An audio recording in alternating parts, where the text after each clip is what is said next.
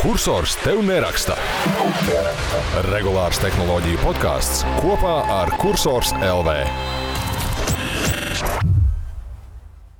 Esiet sveicināti, ko kursors tev neraksta regulārā tehnoloģiju podkāstā 29. epizodē, kas ir ierakstīta 23. martā, 4. pievakarītē. Drusku vēlākā nekā parasti. Studijā esmu es Kristaps un sarunai mums ir mūsu jautrais muskatieru komplekts pievienojies Hansis, Henrijs un Jurģis. Sveiki, Zēni! Čau, čau. čau. Jaut, jautrais. Šoreiz mēs visi reizē pateicām, lai nebūtu pagājušās reizes igauņi. Visi reizē, bet tāpat bija aizturīta bišķiņa tāda nekomfortabla. Nu, neko, neko. Nu, līdz sezonas beigām. Līdz sezonas beigām gan jau, ka pieslīpēsimies. Pagaidām, runājot par sezonas beigām, es sapratu, ka Kristaps ir izvilcis no pagraba moci un viss sezonas, kaut, kaut kam ir sezonas sākums, kaut kam sezonas beigas. Ne? Mocies izvilku, jā, jo ledus no ielām ir uh, pazudis. Jā. Es izvilku tajā dienā, vienīgajā šīs nedēļas, kad bija plus 3 grādi, nevis plus 10 grādi. Kad atbraucu mājās, nosala viss, kas varēja nosalt. Interesantā kārtā uz moča braucot, nenormāli salst tā vieta. Es nezinu, kas tur vēja, tur sapūšana īpaši, kad ir kaut kāds slapjš laiks. Tad normāli tu tur slapjā peļķē sēdi visu laiku un ir ļoti aizraujoši. Tas tā. Varbūt, nezinu, Yamaha tagad tāda konfigurācija interesanta ir. Lūk, uh, bet uh, nē, nu, podkāsts vēl mums, domāju, līdz kādiem jūnijam. Bet vispār labs jautājums. A, kā mēs darīsim? Uh, nu, skaidrs, ka vasarā mēs, diemžēl, darbie klausītāji, nevarēsim uzturēt šādu te, uh, tempu, jā, ar uh, epizodi katru nedēļu. Vai nu vispār mēs visi dodamies uh, vasaras uh, migā, vai tomēr mēģinam izžmiegt kaut kādu reizi mēnesī, kaut kādu apkopojošu? Kā pašiem jums liekas? Varbūt ir jā, jā, jāliek klausītājiem uz balsojumu. Vai jūs gribētu, lai mēs vis, lai vispār atpūšamies un netraucējam jūs visu vasaru, vai arī, lai vismaz nu, kādu reizīti mēnesī mēs tomēr ar savām skaistajām balsīm jūs aplaimojam? Ja? Šādu balsojumu. Jā, es piekrītu Jurģim, bet es īstenībā man patīk tā ideja par reizi mēnesī, jo es jau biju nobriedzis, ka nebūs īstenībā pauze varētu pavasarī, bet reizi mēnesī savākties. Jā arī nav slikta doma, jo noteikti vasarā šis tas būs. Okay. Spotify jau kādu laiku ir iespēja taisīt aptaujas, polus pie, pie šīm epizodēm. Es domāju, ka šis ir īstais jautājums, ar kuru notestēt šo konkrēto feature. Tāpēc, jā, tad šajā epizodē dodamies uz Spotify, un tur, tur, es domāju, būs trīs atbildes jautājumi. Vispār doties pauzē. Uh, obligāti vajag katru nedēļu pa epizodē, arī vasarā vai pietiks ar vienu epizodi mēnesī, kurā mēs eh, izējām cauri kaut kādām aktualitātēm šī mēneša. Ja? Kaut, kaut kā tā. Labi, tad piezīmēšu arī, ka šajā epizodē mums ir viesis. Mums būs saruna ar, ar Dmitriju no Zabiks. Tātad Zabiks ir tāds foršs Latvijas uzņēmums, labi zināms, noteikti tās aprindās IT uzņēmums, kas veido nu, tādu monitoringa programmatūru. Uh, open source. Tāda visā pasaulē noteikti tās atkal aprindās labi zināms risinājums un augsti cienīts. Un aprunāsimies, jā, tad noskaidrosim, kas viņiem jauns, kā viņi darbojas, kā viņiem nu, sokas ar ārzemju tirgu apgūšanu. Bet uh, tagad par tādām kaut kādām lokālākām, ne, nu, ne obligāti lokālākām, bet tādām aktuālākām šīs nedēļas uh, lietām, kas jums uh, pašiem uh, patika. Nu, kurš sāks? Es sākšu. Es esmu, es esmu, aiziet. Es esmu atzīmējis uh, divas, uh, divas. Es ceru, ka Kristaps uh, ieliks linkus, lai zinātu, par ko ir runa, ja es tikšu līdz abiem. Uh, YouTube bija nu, nu, uh, samedīts, vai kā to var pateikt, atrasts. Uh, viens bija, kas man likās uh, tāds video, kas tā no sirds, man, es drusku pasmējos, arī drusku pajūtu līdzi. Uh, uh, ir uh, Henrija iemīļotajā MKBHD kanālā vai vienā no viņa tiem kanāliem. Uh, bija sacensība, uh, kurā viņi bija izjaukuši mehāniskās tastatūras vienādas, un tad lika uz laiku kopā. Nu, tur bija gan viens pret vienu, 5 minūšu laikā, cik tālu var salikt. Nu, bija, man šis video patika. Es ceru, ka, ka Kristaps ielinkos.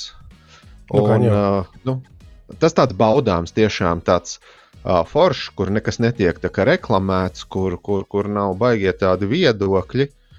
Uh, Henrijs raksta, ka tas ir kanāls Studio. Es, uh, lai, lai Kristaps vienkārši ielinko. un otrs bija, ko es arī ceru, ka Kristaps ielinkos. Uh, arī YouTube bija par balss, nu, idejiski balss vadību sūkā, bet tur bija uh, interesanta. Tā, es, tas ir šorts paš... tam. Jā, jā, tas ir šorts. Es ceru, ka tas, tas, vēl, tas vēl tik ilgi tur met. Ah, tas, jā, jā, tas metāsies droši vien. Uh, bet tur bija ideja tāda, ka tā tad spēlīte bija izkrita no galvas, jo es um, skatījos mm, to no šīs nedēļas kaut kādā sākumā vai pagājušās nedēļas beigās. Tā, Modern Warfare bija, jā, laikam. Un, un pretinieks vienmēr sakot, spēlēja ar Xbox, un bija šī te, uh, iespēja sarunāties. Uh, Tad, kad šie varoņi ir tūmā, tad var viens otram uzsaukt kaut ko par māmu, par tavu izcelsmi un tā tālāk. Uh, Un uh, viens no šiem te, jā, jā, tur pa, uzkliedza uh, Xbox shutdown. Un, acīm redzot, uh, spēlē nevis uz austiņām, bet uz, uz, uz, uz pilnu, nu, uz, uz stereo kaut kādu vai, vai vairāk kanālu skaņu. Uh, un, un, un viņam tiešām arī pretiniekam izslēdzās Xbox. Tas man likās tāds baigts labais. Uh, nu, triks varbūt tā to var nosaukt. Arī -huh īss, īss video, it kā nekā tur nav, bet man liekas, ka tāds o, tevi tā paķer un apčakarē uz, nu, droši vien uz pieredzi jāsaka, jo tas, laikam, tāds paliels streameris tur bija, nu, pazīstams streameris. Bet uh, es ceru, ka Kristaps ielinkos, uh, ejam paskatāmies. Es tā bieži, bieži es nereklamēju YouTube saturu, bet šie divi man tā iekrita sirsniņā. Protams, balss komandām uh, ir taču lasīti raksti, ka uh, Eh, ka tur liek kopā dažādus šos, tur Aleksu, Google, šito te viņi tur savā starpā kaut ko tur mēģina viens ar otru aktivizēt tās komandas. Un, un bija, bija kaut kādi rēcīgi arī gadījumi. Tas ir viens, bet man ir jautājums par tiem šortiem. YouTube šortos, kas jums rādās? Kāda veida saturs? Oi! Uh, nu, es nezinu, to tā drīkst. Pat plikās meitenes. Nopietni, arī? Tev arī? Tev arī? Man radās ne gluži plikas meitenes, bet. Uh, Ah, tas nav YouTube, par ko es runāju. Nē, bet, bet šortos kaut kādas, jā, tiešām meitenes, kas tur gorās un, un, un kaut ko tur tirinās. Jā, protams, ka tur nav nekāda pornogrāfija tajā YouTube, bet, bet, bet arī šortus viņas izmanto tieši šādam nolūkam. Un es gribēju saprast, vai man vienīgajiem rādās, un kāpēc man rādās šāda veida saturs, nevis tastatūra izjaukšanas. Uh, video spēļu balss vadības komandas kā normāliem ceļiem. Kas Kā jums normālāk? Nu, sūdīgi, jā, man rādās normāli. Tiem galvenajiem kanāliem, kuriem es sekoju, pārsvarā, kuriem ir saistītie šorti. Beigās uz... šortos es neesmu redzējis. Uzsvars uz saistītie, Kristapi. Tā kā es biju iedevis sīkiem paspēlēties ar telefonu, tad uh, man uh, rādās Family Guy un Simpsons. tas ir labāk nekā tas, kas man rādās. Okay, uh, vēl par balsi Henrijs saka, ka vajag pieminēt uh, tildes. Uh, to transkrābu. Nu, tu viņu palietoji, pamēģināji. Vispār devēji pastāstīja, lai klausītāji arī saprotu, kas tas ir par risinājumu, ko ar to var panākt. Jā, nu, Ants mums bija ielicis, kā tilde piedāvā tādu pakalpojumu, kur tur ierakstīt balsi audio ierakstu, un tad viņš uztaisīs rakstisko failu. Principā mēs varētu tagad ierakstīt visu no nu, podkāstu. Jā, atšifrēt, eh, kā tur bija. Transkripcija latviešu arī laikam tāds vārds. Uh -huh. Uh, termins. Nu, jā, un tu vienkārši paņem savu audio failu, viņš tev ieraksta. Tur, protams, nav, nav pieturzīmes, varbūt tik daudz un tādas lietas, bet tas palīdz, es, es domāju, interviju ieraksti vai tādas lietas vienkārši, lai tev pēc tam ir rakstisks digitālais materiāls. Nu, un uzsver šajā gadījumā uz latviešu valodu. Es domāju, te jau daudz lika bija Hugo pakalpojumu ielikuši, bet tas īstenībā jau ir balstīts uz šito, ja es pareizi saprotu. Jā, tu vienkārši citu mājaslapu. Nu, tā kā tā mūsējā darbojās tajā valodu jomā, es arī pārskatīju vispār tildes mājaslapu. Nu, visu kaut ko jau viņi darās. Un, un, jā, un tad ja droši vien uh, Kristapes dzirdēja, ka mēs, ka, ka tevi sakari, mēs varētu kādu no tildes paņemt kādreiz. Uz sarunu? Jā, bet nu... man arī kursbiedrene strādāja. Es īsti precīzi nezinu par mārketingu vai ko, bet jā, viņa bija patīkami pārsteigti, ka mēs ielikām, un tad, jā, katrā ziņā viņi atvērta. Tā kā droši vien, ka varētu pastāstīt. Jā.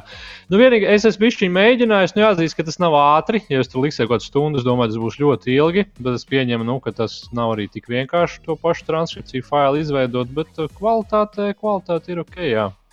Tā kā tā, nu jāreikinās, ka būs jāpērk, ja kaut ko gribēs tur nopietnāk. Jā, jo es tieši skatos, ka tātad 50 megabaiti laikam ir par velti. Uh, 3 tajā... minūtes, tikai 3 minūšu ieraksts. Tikai nu, 3 minūtes. Daudz. Jā, 180 sekundes. A, ko viņi iesāks ar mūsu 2 stundām ar pusi? Ko tad? À, nu, tur vispār mēs nekur netiksim. Bet vispār būtu interesanti. Pagaidiet, cik maksā? À, es īstenībā zinu, ko. Es pamēģināšu. Tu vari man failu atsūtīt. Nē, nē, nē. Es domāju, da, darīsim tā. Atkal šis būs īpaši unikāla mm. epizode. Ne tikai aptauja būs, bet arī uh, es pamēģināšu vismaz kaut kādu gabalu uh, no šī ieraksta audio iebarosim uh, Tildes transkriberim. Un uh, kursors LV būs saite, nu, tajā, kad mēs publicēsim šo epizodi ar kaut kādu teksta failu visdrīzāk, jā, kurā mēs vai dokumentu, kurā varēsim paskatīties, kā tad būs uh, Tilde spējas tikt galā ar mūsu pasakaini samtaini skaistajām balstiņām. O, nu, tur, tur jau izdod ārā, tur jau izdod ārā SRT failu, kas ir uh, plaši pazīstams subtitru fails, ko tu vari iemest iekšā. Ah, pat šitā, ja? Savā jā, vē... Tas bija viens no uzsvariem, jā. Savā VLC playerī tu vari vai, vai piesiet klāt uh, vidikam. Nu, mums vidika nav, bet mēs jā. varam, mēs varam palaist arī.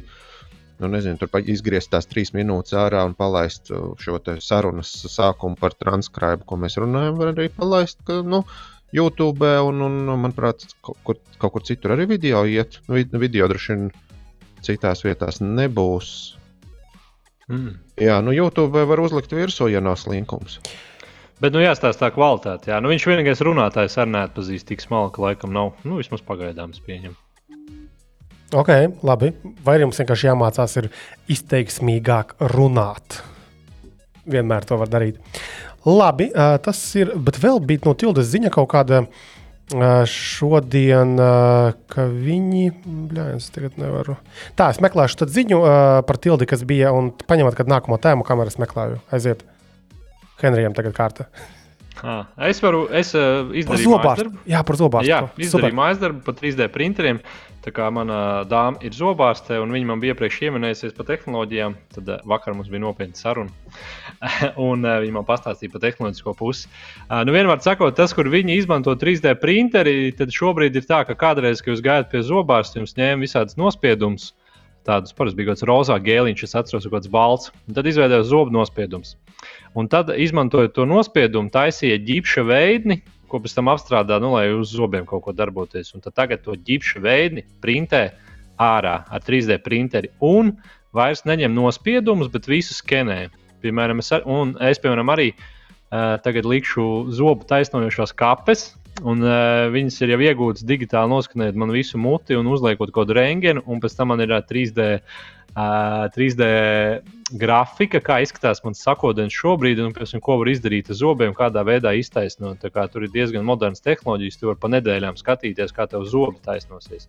Jā, kā nu, tā skenēšana uh, fiziski notiek? Jā, man ir jautājums, vai gadījumā, ja tu, ja tu nošķeldies, tad tu, nepārvēr, tad tu nepārvērš par zobenzobu tīģeri vai par kaut ko tādu? Nē, nē, tur bija, tas ir gudri saucās, kā bija PSDVs pieredze. Skatos tagad intraorālais, laikam tā saucās skeneris. Tur kaut kāds maisiņš tā kā virsū, nu, zin, lai ir uh, higiēniski un vienkārši iet pāri zobiem un paralēli datorā tikmēr tev veidojās tas modelis. Ja kaut kur nu, ja tu nošķaudies, tajā brīdī varbūt nebūs, tad viņas vēlreiz pāriet pāri, un tad jau izveidojās, jā, un tad viņi sūta tiem sadarbības partneriem. Nu, jā, un tad, eh, tad, tad printē tās kopijas tiešām tur ir gan no. Uh, no ģipša, vispār no visiem materiāliem. Turpat metāla kaut kāds sakausējums bija uh, kopā ar ģipsi vai kaut ko vēl, jo tad viņi veido priekšprotēzēm uh, kaut kādas arī sagatavas. Jā, metāls, keramika, Izņemot metāls būs izņemamajām protēzēm, un keramika kroņiem un venīriem. Tas ir tie, ko liek pāri zobiem, lai smuki balti zobi. Jā.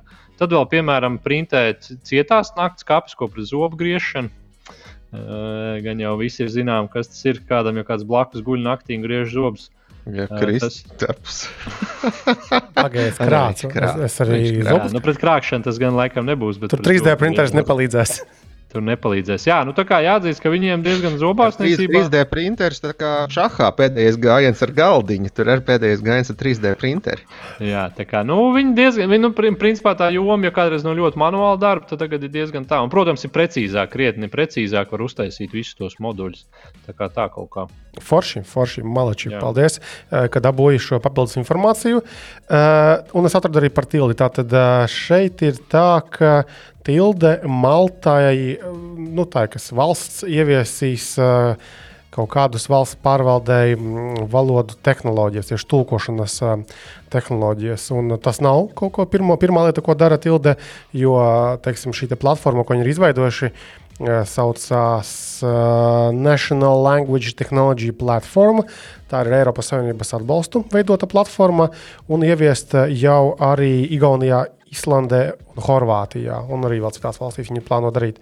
Maijā būs laikam oficiālā izziņošana. Varbūt, starp citu, jā, ja kāds klausās no tildes, tad varbūt uzzīmējieties un dabūjiet mums kādu runātāju, kas varētu pastāstīt mazliet detalizētāk, kas ir šī konkrētā lieta un vispār ar ko šobrīd tilde nodarbojas. Es domāju, ka ļoti daudziem būtu interesanti paklausīties arī mums, starp citu, ar ko tad jūs nodarbojaties šobrīd. Lūk. Droši vien jāprecizē, ir, ka Maltā ir divas oficiālās valodas - maltiešu un angļu. Jā, angļu un maltas, maltiešu. Valoda. Redzot, jā, Kura, Gan, Kur gan, tad viņi tur apgūst? Gan jau, gan jau ka maltieši. Tur arī tieši bija stāsts par to, ka ir, ir, ir mazas valodas, nu, gan, es domāju, lietotāji skaidri ziņā, kā latviešu valoda, tā, tā maltiešu valoda, laikam nemaz ne tik vienkāršas, un tad kaut ko viņi tur tulkos. Kaut kādā mērā. Lūk, um, tālāk vēl, ja jau Jurģis ir šeit, ir izlaistas Nothing Ear 2 austiņas, un man jau no rīta viens paziņa prasīja, vai mums ir apskats šīm austiņām un vispār, ko mēs domājam. Nu, tad, nu, Jurģi, aiziet, ko domā? Nu, jā, jaunās austiņas ir izlaistas. Viņas dizaina ziņā ir aizdomīgi līdzīgas, protams, pirmajai versijai. Esot tas ietvariņš nedaudz, nedaudz kompaktāks, kļuvis. Uh, Uzlabota ir um, mitruma noturība, uh, kas ir piešķirta ne tikai pašām austiņām, bet uh, arī pašam futlārītim. Uh, tur ir nākuši klāt jauni kodeki, uzlabota skaņa, uh, equalizeri un tam līdzīgi. Bet tas, kas ir īpašā lieta, ir, uh, ir tāda, ka austiņām ir spēja noskanēt tavu uh, ausu kanālu un pielāgot gan, uh, gan skaņu, uh, speciāli tavam uh, konkrētam ausu kanālam, gan arī trokšņa slāpēšanu. Tā varētu būt uh, nu, tā, tā atšķirīgā lieta. Bet tā citādāk viņas, nu, teiksim, tā dizaina valoda ir ieturēta tieši tā pati. Viņas izskatās pēc tādiem uh, puscaurspīdīgiem uh, kaut kādiem kiborgiem. Uh, gan interesanti.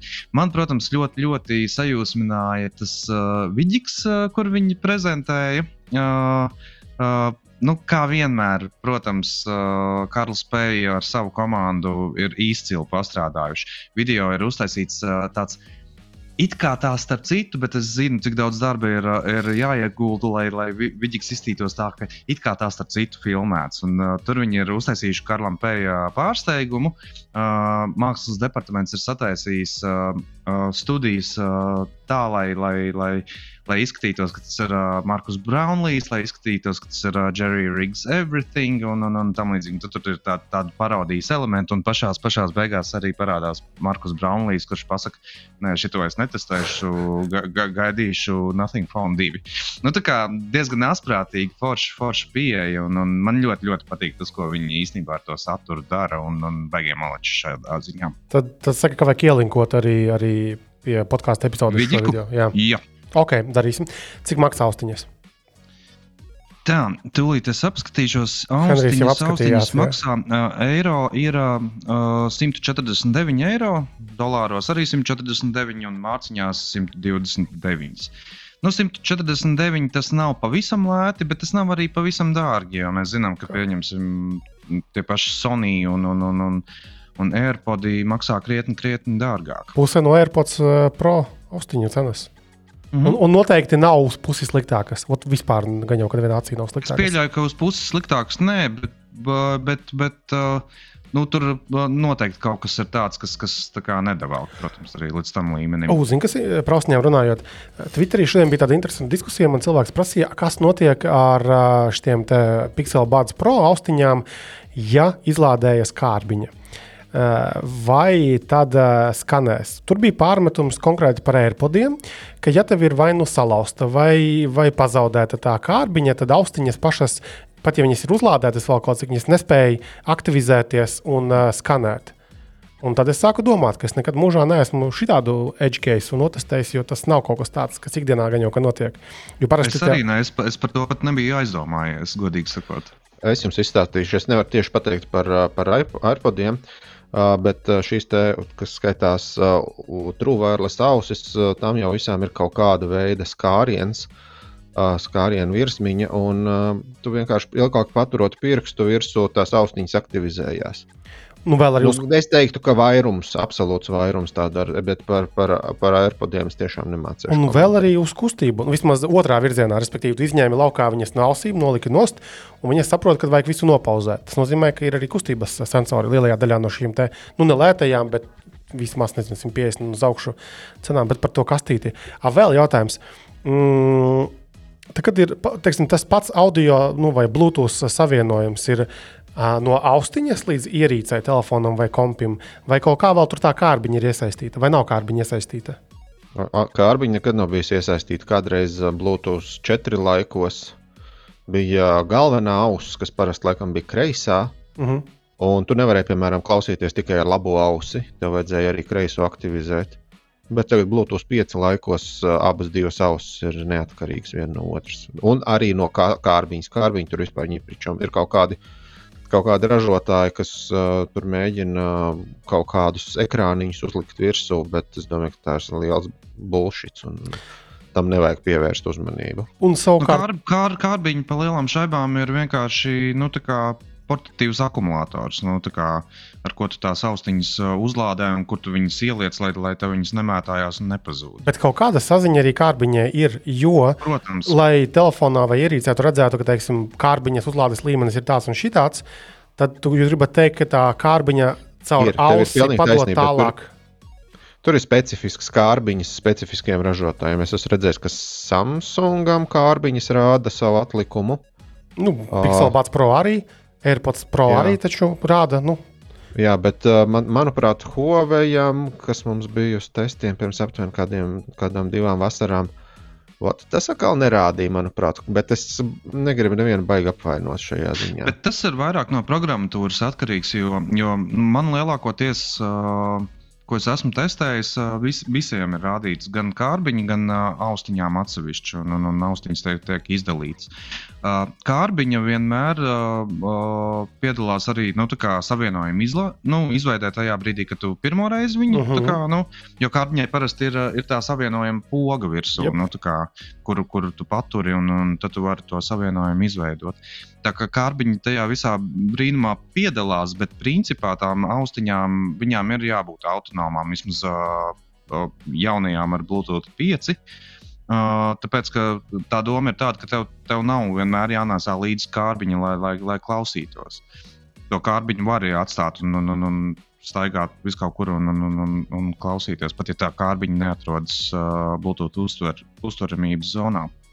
Mm -hmm. Ok, nu labi, skaidrs tam astoņām. Bet nu, patestēsim, varbūt, kas notiek, kad izlādējas tā karba vai vispār balīti apstājas. Es kaut kā vairāk liecos piekrist Anča teorijai, ka nekam tur nav jānotiek sliktam. Nu, tās austiņas, kameriņas ir kaut cik uzlādētas. Es uh, pamēģināšu. Jā. Tā kā nu, Henrijs vienkārši neaktivizējas, ja, ja ir izlādējusies kārbiņa pilnībā. Tas arī viss. Jā. Uh, kaut ko vai pamāt, vai paspaidīt, vai paturēt un aizies. Mm -hmm. Tā kā Henrijam būs jājož pēc kaut kāda īsa brīža, tad uh, varbūt izrunājam Apple tēmas, Jā, Ansim par prieku, uh, kas ir sakrājušās. Zinu, kas ir baigi, jau nav Apple tēmas. Nu, kā nav? Ir, ir tās baumas. Uzsvēsiet. Ir tās baumas, ka tam 15. iPhone vai 15. Pro iPhone. Ogam, tas jau ir jā, vecs. Tas ir vecs. Mēs, Nē, mēs, runājām, to, mēs runājām. Mēs vispār ar citu bijām runājuši. Vismaz bija raksts par to, tāpēc es šodien nerakstīju. Jā, bet uh, Labi, ja mēs tiesākām, bišķiņi jau var piemest. Tad viena no lietām, jā, ka iPhone 15 Pro būs. Es pat nezinu, kā viņa latviešu heptiski. Uz pogas uz tausti. Viņas Jā. nebūs fiziski kā tādas, bet viņas būs iebūvētas rāmī un viņam būs uh, motoriņš iekšā telefonā. Viņas nu, pieskarsies, liksies tā kā nostrādā, bet fiziski tur nebūs kāda kustība. Tad Ants vai Jurģis neplaudē. Tās īstenībā nevienam tā nav, man liekas, citiem ražotājiem. Uh, tas ir līdzīgi kā Jā, bija Android ražotāji. Tā jau ir izmēģinājušies un sapratuši, ka tas ir uh, galīgi garām. Bet tas nebija Apple. Jā, tieši tā, Android ražotāji garām. Uh, Apple sataisīs tā, kā vajag. Būs e, čotka. Jā, bet tas ir līdzīgi tā kā iPhone sākot 7. Man šķiet, bija arī nebija tā vidējā poga, apakšā arī bija. Nu, bet home poga tieši tā jau, jau bija un darbojās, un viss bija jā. normāli, nekādas vainas.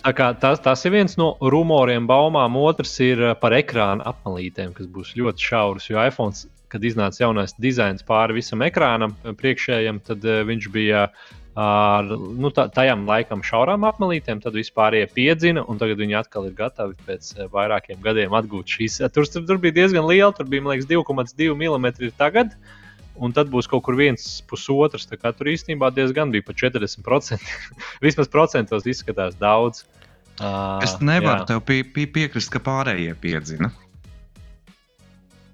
Kādā, nē, nu tieši tagad iznāca tajā laikā, kad iznāca iPhone. Nu, jā, pirmais, pirmais. Jā, nu, jā, jā, jā, X, jā. Es, es, es, es mhm. zinu, par, par ko tu runā, bet uh, arī, arī tajā laikā jau, uh, teiksim, uh, Android uh, arī pasaulē zināja, ko nozīmē šauras apmales, zināja, ko, ko, ko, ko nozīmē arī uh, pilnekrāna.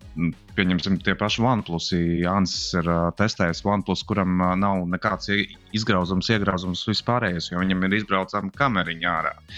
Un, un, un, un līdz ar to tur, tur bieži vien ņemot vērā, ka Androidam uh, ir parasti bijušas ekrānam noliektās malas. Uh, līdz ar to teiksim, tas uh, ekrāna un korpusa attiecības procents parasti ir pat uh, krietni lielāks uh, nekā ābolam. Tas, kas ābolam ir ritīgi forši, ir tas, ka viņi panāk to organiku tajā, ka viņam uh, ir. Uh, vi, visām pusītēm ir vien, vien, vienāds tas rāmis, nu, kā, kā arī apakšiņa. Tas ir nu, daudz dārgāks risinājums, jo, jo viņam ekrāniņš ir jāieloka apakšā, lai, lai viņš savienotos ar mātes plati.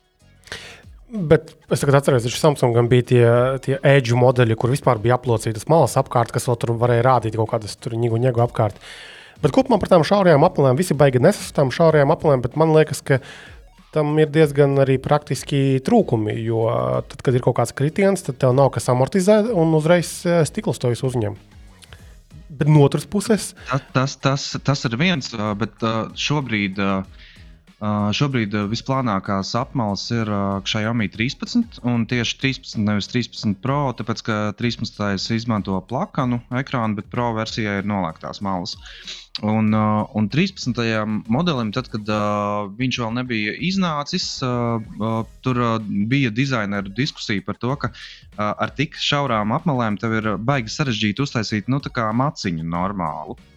Uh, tā, tā, tādu, lai, lai, lai tu viņu lieto. Tā, tā arī ir lieta, par ko ir jādomā pie šaurām apmalēm. Vispār taisnība.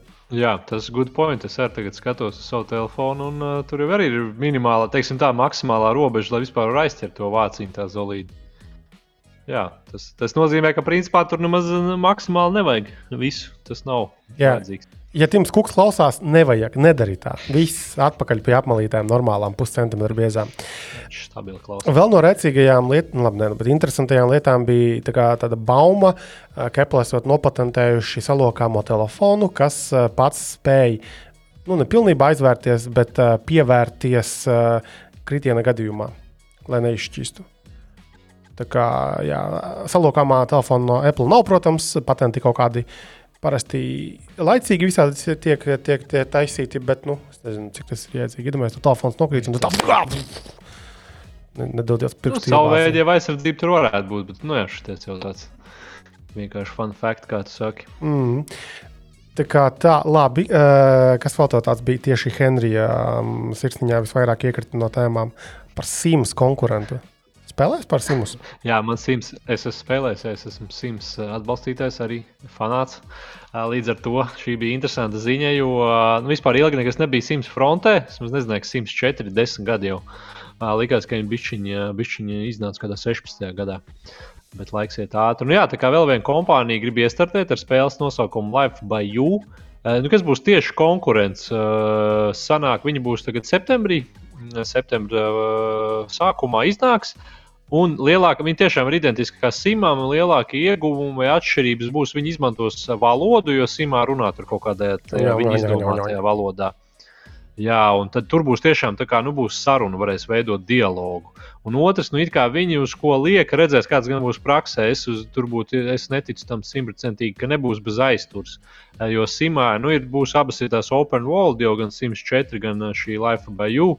Nu, kad tu kā citiem spēlētājiem viena tā karte, ka tu iet tajā savā mājā, nu, ka tev tur nepārlādējās. Bet es domāju, ka tas tāpat prasa kaut kādu grafisku apstrādi un vispār to spēles, to, to nu, mainīt. Nu, ka tu pārēji no vienas vidas citā. Tā kā tā, kā tā kaut kā. Bet Vi... viņas pat vizuāli ir identiskas. Nu, viņas tā, tā, tie, kas spēlē simu, nu, tur viens pret vienu, tie sapratīs pat pēc bildes viens. Tu ej savā mājā, tur jau priekšā ancis. nu, aptuveni tā. Bet uh, redzēs, jā, nu, redzēs, kāda konkurence. Mums jau komentāros teica, ka Sims ir tik spēcīgs, ka nu, tur jau īsti nav kādas konkurences reāls. Bet, uh, Nu, paskatīsies, eh, paskatīsies, kā būs. Arī Sims pašs strādā pie piektās versijas, kas būs šo integrāciju, saprot, gan caur telefonu, gan caur um, kompi. Bet, nu, nu, tā kā viena spēle, bet tāda integrācija. Jā. Bet kas tev tajos simos patīk? Jo es zinu, ka cilvēkiem ļoti atšķiras. Ir vieni, kas uz attiecībām iet, ja? ir, Jā. ir, ir tādi, kas iet uz nezinu, apmēbelēšanu mājokļa. Kā tu spēlē? Kas, kas, kas tev sagādā kaifu simos visvairāk? Es jau, es jau sen esmu spēlējis, bet nu, man savulaik patīk vienkārši māju būvēt. Nu, tu kaut ko izdomā savu sapņu māju, zin, tas, ko turbūt ikdienā nevar realizēt. Un otrs, man arī mīl slīgsdiņu, jā, ģimenes, viss dažāds.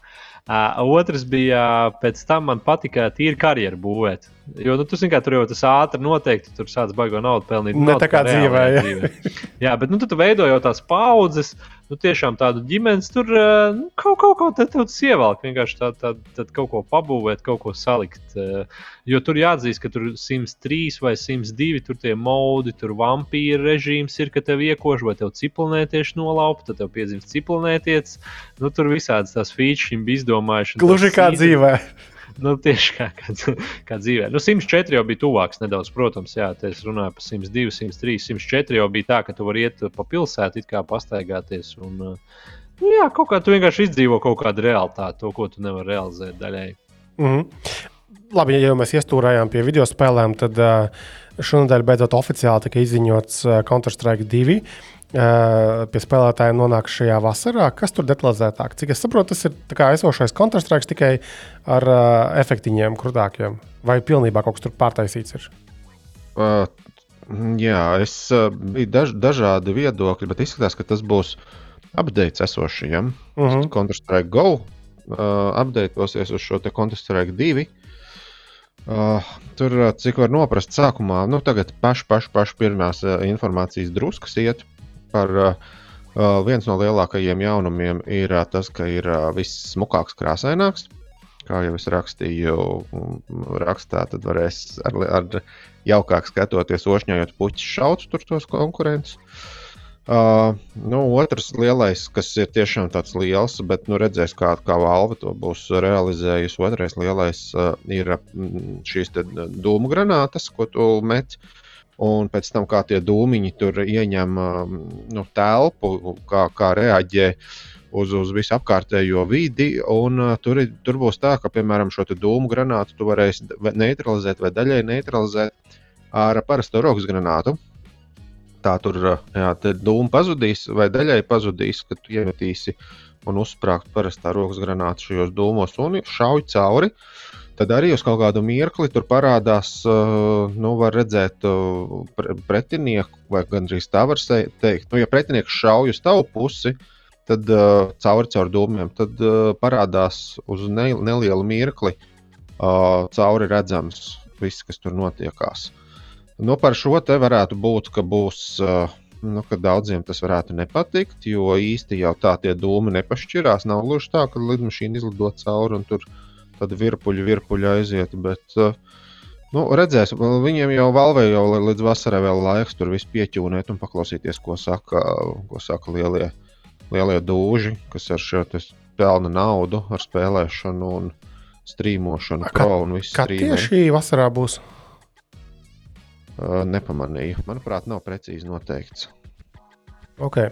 Iespējams, es pārskrēju pāri, jo vispār bija, bija daudz informācijas par, par mazlietām. Okay. Par daudz, daudz dūmu, maz uguns. Ja. Uh, ok, labi, Henrij, varbūt tev vēl bija kaut kas tāds, ko tu biji pataupījis tuvu sirsniņai un vēlējies arī padalīties apkārt? Nu, man liekas, Android faniem patiks ziņa, ka varēs sasinhronizēt lietotnes starp vairākām ierīcēm, jeb šo ja tev ir vairāki telefoni un tas ir vienu Google kontu, tad kā tu vienā novilksi lietotni, tā viņa parādīsies arī citā. A, kā tagad viņa darbojas? kā ir Rāns, pastāstiet vairāk. Ja tu no weba viņu vēl runā ja par ko no par weba, webu, tad tu norādi, kurā ierīcē, pareizi? Vismaz agrāk jā. tā bija, ka tur izvēlēties. Mums kā testētājiem parasti tas saraksts bija tāds prrr, garš ar tām ierīcēm. Uh, jā, jā un, tas, un, ir, tas tur bija rakstīts. Jā, un, un, tagad vienkārši būs automātiski. Un citās ierīcēs uh, rādījās pie, kas tā bija par kategoriju, kā, nopirktās vai lejuplādētāji, bet automātiski viņš telefonā negāja. A, tagad sanāk, katram, te, katrai ierīcei viņa automātiski uzstādīsies. Tas būtu stulbi, man liekas. Nu, tas nē, nu, doma, nē, nu jā, automātiski novilks vienā savā vietā, un viņa tev parādīsies. Tad aizies uz visiem pārējiem uzreiz tās jaunās. Nu, tagad ieslēgs to režīmu. Tur bija Sync A labs. À, ir jāieslēdz kaut kas, ja? Viņš ir jāieslēdz pirmām kārtām. Jā, jā, varēs izslēgt, varēs. Bet, nu, tieksim, tiem, kam ir uh, vairāki, vairākas ierīces, nu, ikdienā lietot telefonu, tas bija uzsvars uz telefoniem. Un ir arī tas, ko jūs teicāt, ka varēs redzēt, kurā lietotnes ir, tur, teiksim, por, uh, planšetdatorā, televizorā, tādā ziņā. Plus tas atsauksies ar VROS saistībā ar vietpunkteņiem, protams, kaut gan iPhone jau tagad tas arī ir. Nu, ka viņš viens pret vienu novelk tev to lietotni, arī vietpunkteņu versiju. Jā, tā kā tas arī uz to attieksies daļēji automātiski aizies tagad. Tā kā tas tāds uh, ikdienā noderīgs uzlabojums. Mm -hmm. Tiem, kam vairāk uh, ierīces, nu, tā kaut kā. Jā, ziniet, kad es forši vēl, ja mēs par Android tēmu burājam, pamanīju tātad uh, raksts par small Android phone. Tātad uh, ir tāds čalis, Eriks Migikovskis, uh, kas uh, bija izveidojis savulaik uh, vietpunksteni Pebble. Uh, senos laikos, pirms visiem šiem Galaxy watchiem, man liekas, pat pirms Apple watchiem, un vispār, principā, visiem parādīja, ka šāda tipa ierīces vispār kā kategorija var eksistēt. Viņš tāds bija tāds ļoti nūģīgs. Uh, Uh, man arī bija, uh, joprojām kaut kā atvilkt nevaļā. Es arī fifīga lieta, bet, tad, protams, viņiem negāja nemaz viegli biznesa ziņā, lai gan viņi bija Kickstarter success stories, bet uh, tā baigi nenāca. Tad viņus nopirka Fitbits uh, un nogalināja. Tad Fitbitu nopirka Google un nogalināja. Lūk, tā, tā, tā, tā ķēdīte. Bet uh, tas um, Čalis strādā pie ar mazu komandiņu, grib sataisīt mazāka izmēra uh, Android telefonu, kas būs ar uh, near flagship specs. Uh, tur runa par kaut kādu Snapdragon 8 Gen 1 um, ar labu 50 megapikselu kameru. Un vēl arī, lai tas maksātu ap 850 dolāriem, attiecīgi, nu, negluži virs štukas. Bet es nekur neredzu izmēru ekrāna. Ap 5,8 colām tur bija rakstīts. Nu, tas, jā, ir daudz, tas ir daudz. Tā jau nav nemaz tik maz. iPhone mini tieši bija arī viena diskusija. Jā, smaller. Nu, nav jau vairs tā iPhone mini īsti.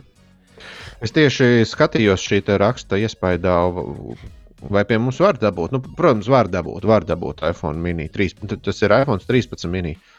Var dabūt, bet nu, īsti vairs pie operatoriem nedabūsi. LMT vairāk taču nebija. Tele2 arī nebija bites atļaus neskatīties. Kaut kādos 1A 220 vēl varēja laikam dabūt to 13 mini, bet nu, izskatās, ka iet uz galu. Un tas 13 mini īsti nemaz tik lēts arī nemaz nebija. Amerikā tur bija rakstīts, ka starp 499 un 599 maksājot. Nu, pie mums bija pāri par 700 eiro, kas nu, diezgan nav pat. Jā, bet tas ir iPhone. Viņš maksā, cik gribi. Starp citu, runājot par uh, kompaktajiem flagmaņiem, uh, nu, parādījušās, protams, ir atkal baumas par uh, jaunajiem Pixel 8, kas tiks uh, izlaisti uh, uh, rudenī. Un uh, viņi visticamāk ir sapratuši, ka uh, tas, kas pavasarī tiks izlaists uh, Pixel 7a, uh, uh, ir gana tūs uh, Pixel 7. Līdz ar to viņi izdomājuši, ka viņiem ir kaut kā jādiferencē nu, kā, uh, tas uh, piedāvājums klāsts, un tāpēc viņi ir nolēmuši Pixel 8 padarīt patiešām ļoti, ļoti kompaktu, un tur arī ir runa par uh, 5,8 colu ekrānu. Uh, ja salīdzina, ka Pixelim 7 bija 6,3 colu ekrāns. Tā kā nu, paskatīsimies, un, un, un, un vienkārši interesanti to, to, to salīdzināt ar, ar to, to, ko Kristaps tikko teica. Nu, drīz jau maijā 11. būs tas Google jau uh, 11. maijā. Maks.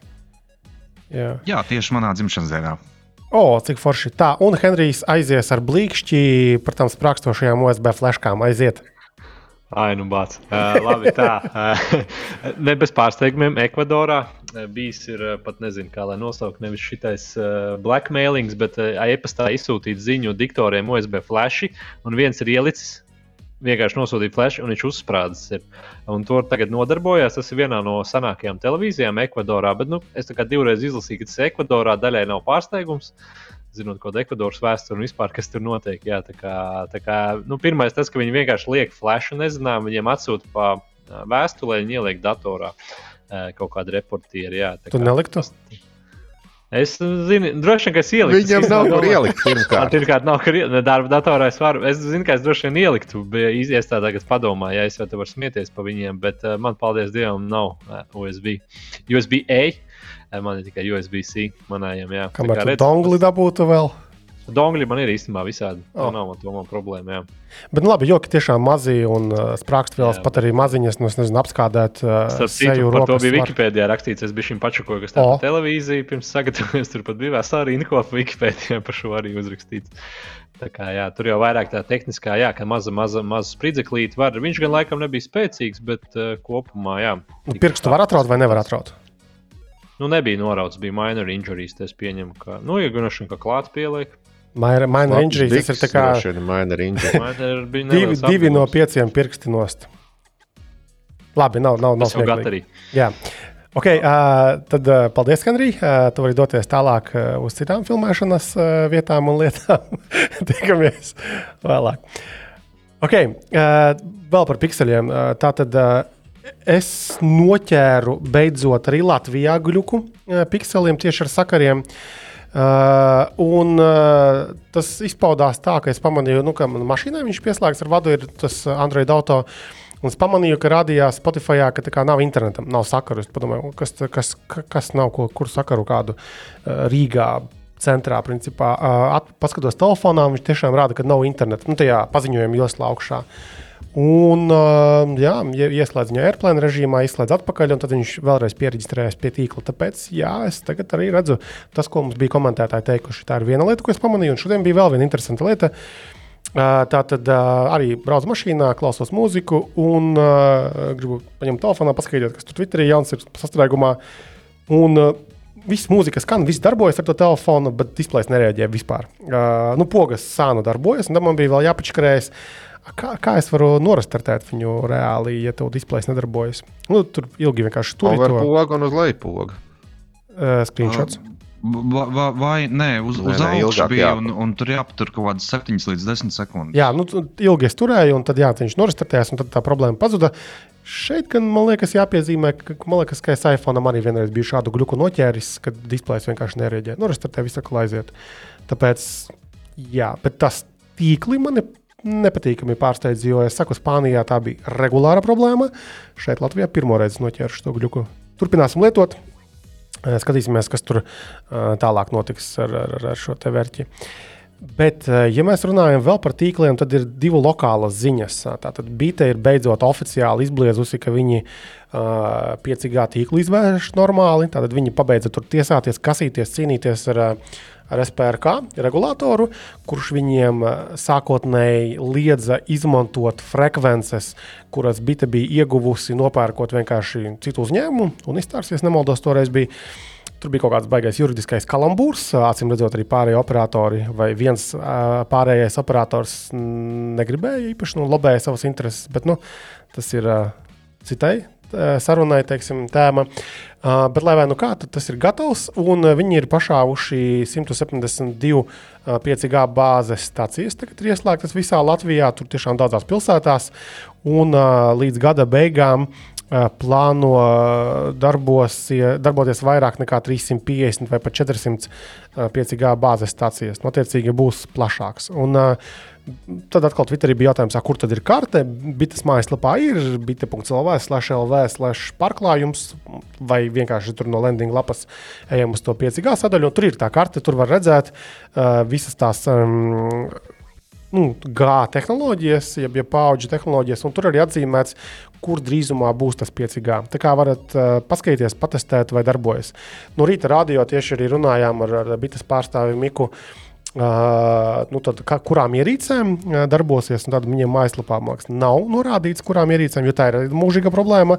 Bet, kā, kā viņš teica, tad, nu, populārākajiem Samsung, Apple un Xiaomi tātad ierīcēm būs. Nu, protams, your mileage may vary. Respektīvi, skaties, vai tavs telefons darbosies vai nedarbosies. Jo tas ir saistīts ar tām certifikācijām. Protams, ka Latvijā, piemēram, pikseļos jau ir eh, iespēja 5G darboties, bet neviens operators nav nosertificējis, cik man zināms, 5G. Un, um, Jo šeit oficiāli tas telefons beigas netirgojas. Un, protams, tad arī nu, nav viņš ieslēgts vienkārši. Jo nevienam nevajag tīklā ierīces, kas glukaini darbojas un, un traucē citiem varbūt. Un klientiem pašiem. Tā kā jā, bet uh, tad bite beidzot sāk aktīvi izvērst um, 5G tīklu. Kādam no jums bija vai nav? Nē, ejam tālāk. Neviens, neviens nav tik drosmīgs. Mhm. -huh. Tālāk. Citāts. Jā, Tele2 ir palaiduši jaunu tehnoloģiju savā tīklā.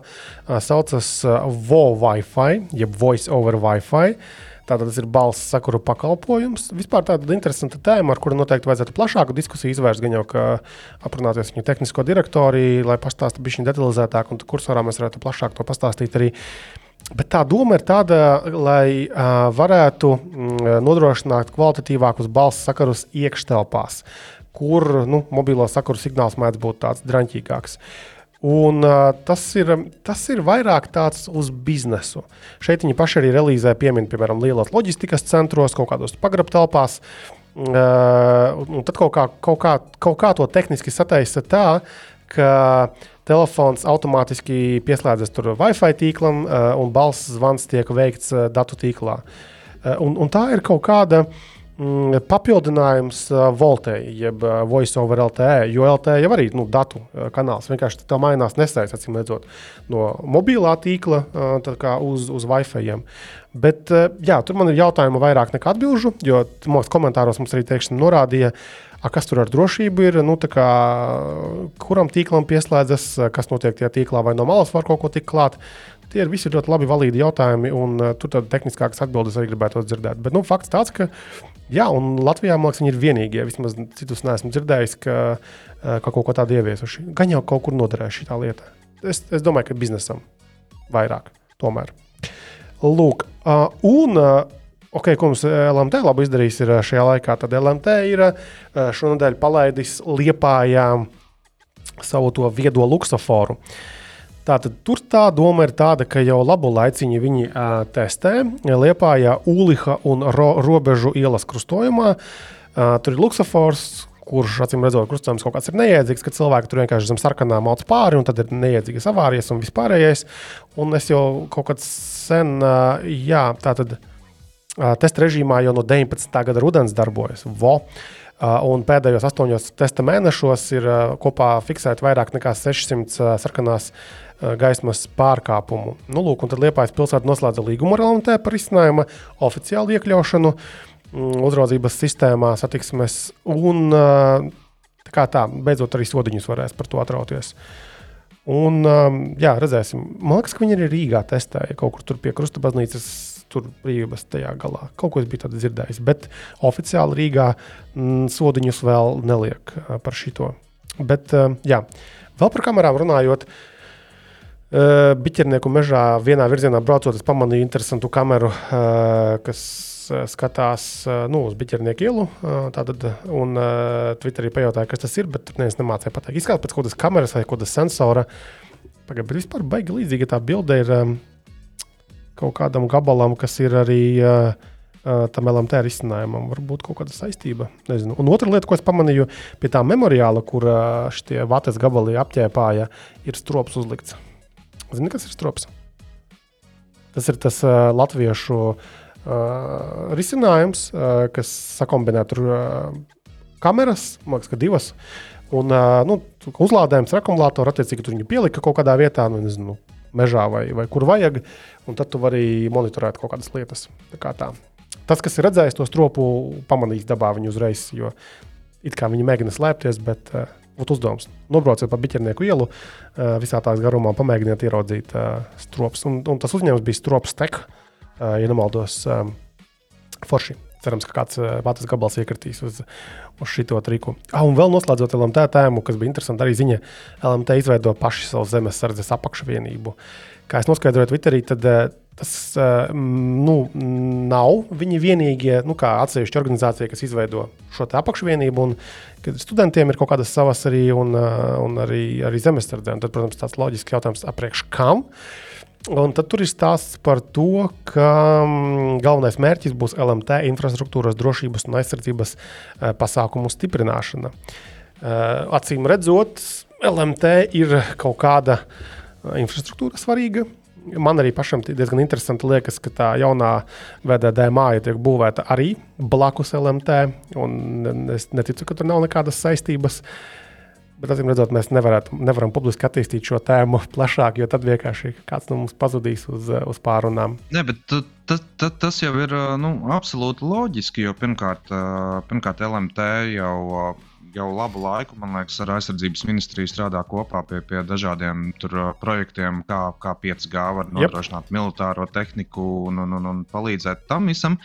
Tas ir viens. Otrs ir tas, ka uh, ka, protams, kaut kāda apdraudējuma, kara darbības vai vienalga, kā, nu, kā rezultātā tie, tās pašas bāzes stacijas un visa veida datu infrastruktūra kļūst nu, arī par militāru mērķi. Jo, jo, ja mēs paskatāmies arī, kas notika Ukrajinā, Ukrajinā arī viņi visai ātri iznīcināja iespēju sazināties, un, un, un tad tālākais notika caur Starlink. Un, un, un, un tam līdzīgi. Tā, tā, tā, tā, tā ka man, man, man tas šķiet absolūti loģiski, ka, ka, ka viņi izveidot kaut kādu vienību, kur, kuras uzdevums būtu kaut kādā x stundā kā, nu, pasargāt savu, savu infrastruktūru, jo šī infrastruktūra strādātu gan uh, militāru mērķu vārdā, gan arī civiliedzīvotāju glābšanai.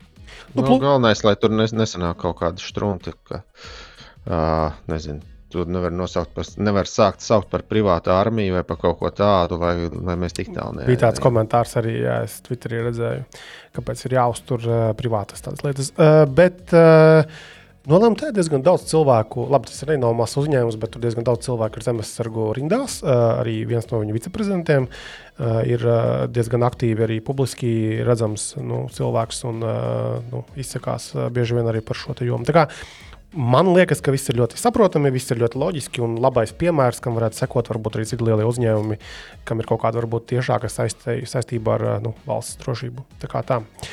Lūk, um, tā, labi. Kas mums vēl tāds bija interesants uh, šajā nedēļā? Google uh, bārdam uh, piekļuvi sāk pašaut vaļā. Tātad runa ir atkal par to mākslīgo intelektu. Uh, Ir eh, Microsoft kaut ko pašāvis vaļā, ir, eh, ir Facebook tur kaut ko tur runājis, ka pašaus vaļā. Uh, ir Google uh, pateicis, ka viņiem ir uh, viņu chatbots Bard, kurš prezentācijas pasākumā tur diezgan nevāji izgāzās. Uh, un, uh, un jā, tagad, um, tagad ir paziņots, ka var izmēģināt, uh, vajag reģistrēties vietnē bard.google.com. Uh, un sākotnēji būs pieejams ASV, Lielbritānijā. Viņa jau ar kaut kādiem VPNiem var arī tikt no mūsu puses klāt tur. Un, uh, jā, nu arī viņi izmanto, tā pagaidi, ko viņi izmanto.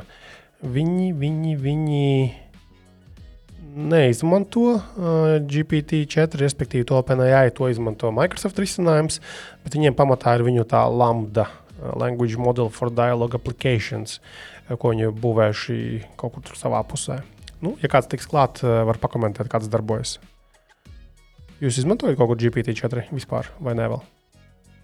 Es pajautāju, es, es tikko beidzot bingā klāt. Es pajautāju, kas ir Kristaps Skutelis. Viņš lepni atbildēja, ka dā, tas ir Tevana žurnālists, kas raksta par politiku un ekonomiku. Un es domāju, oh, jā, labais, viss ejam tālāk. Lūk, uh, jā. Var, varbūt arī TVN tā strādā, Kristaps Skutelis. Jā, kas viņu zina? Varbūt kaut kāds matriks ir. Uh, lūk. Ah, un vēl par tiem botiem. Es sākumā mēs runājām, ka tie balss asistenti kaut ko tur bičojas, var vien, viens uz otru. Uh, tad uh, Google un, un, un Microsoft chatboti jau arī kaut ko viens uz otru, uh, kaut ko runājas. Uh, tad, respektīvi, jā, tad Microsoft Bings ir teicis, ka ah, Google bārds bija aiztaisīts visai ātri ciet, tā, kad toreiz bija kaut ko nepareizi not, nu, pateicis. Tā kā viņi kaut ko tur savā starpā jau arī bīfojas. Mākslīgā intelekta chatbotu milzu cīņas. Lūk. Ok. Kas vēl tāds interesants ir šodien noticis mums? Kas nu, ja drīkst, tad, tad, tad es izstāstīšu vienu, vienu lietu, par ko es esmu dusmīgs oh. uz Huawei. Opiņā. Arī tu. Jā, arī es. Uh, Uh, taisnības labāk gan ir jā, jāteic, ka es parasti biju tas, kurš ar uh, lielu interesi skatījās uz Huawei, kā, kā viņiem ies pēc sankcijām, un, un, un, un patiešām man viņu, viņu produkcija vienmēr ir šķitusi inovatīva, forša, interesanta, radoša un, un, un, un, un tā tālāk. Tāpēc es bieži vien esmu Huawei aizstāvējis, bet šoreiz man ir uh, drusku dusmas sanākušas, jo uh, lasot vienu TVNet uh, rakstu, kur uh, bija stāstīts par uh, Ķīnas prezidenta vizīti pie, pie Putina. Šajā rakstā tika pieminēts, pieminēta šāda frāze, un tagad es citēšu, ka izdevumam Financial Times kāds nu, kā Kremļa avots bija teicis šādu frāzi. Notikumu loģika paredz, ka mēs piln, pilnā mērā kļūsim par Ķīnas resursu koloniju. Mūsu serveri būs Huawei. Ķīna iegūs uh, mūsu gāzi pa Silasibīriju cauruļvadu, bet šī gada beigās uh, juāņas uh, būs galvenā valūta ārējā tirzniecībā. Un tā tā lielākā problēma ir tāda, manuprāt, ir nepieciešams kaut kāda veida skaidrojums no paša Huawei, jo tajā brīdī, ja kāds no Kremļa pasaka tiešā tekstā, ka, ka, ka nu, viņi, viņa, viņu mērķis, lai uh, turpinātos karš Ukrajinā, ir uh, Ķīnas atbalsts un ka Huawei tiek nosaukts vārdā. Šitais, ir, šitais draugi vairs nav, nav forši.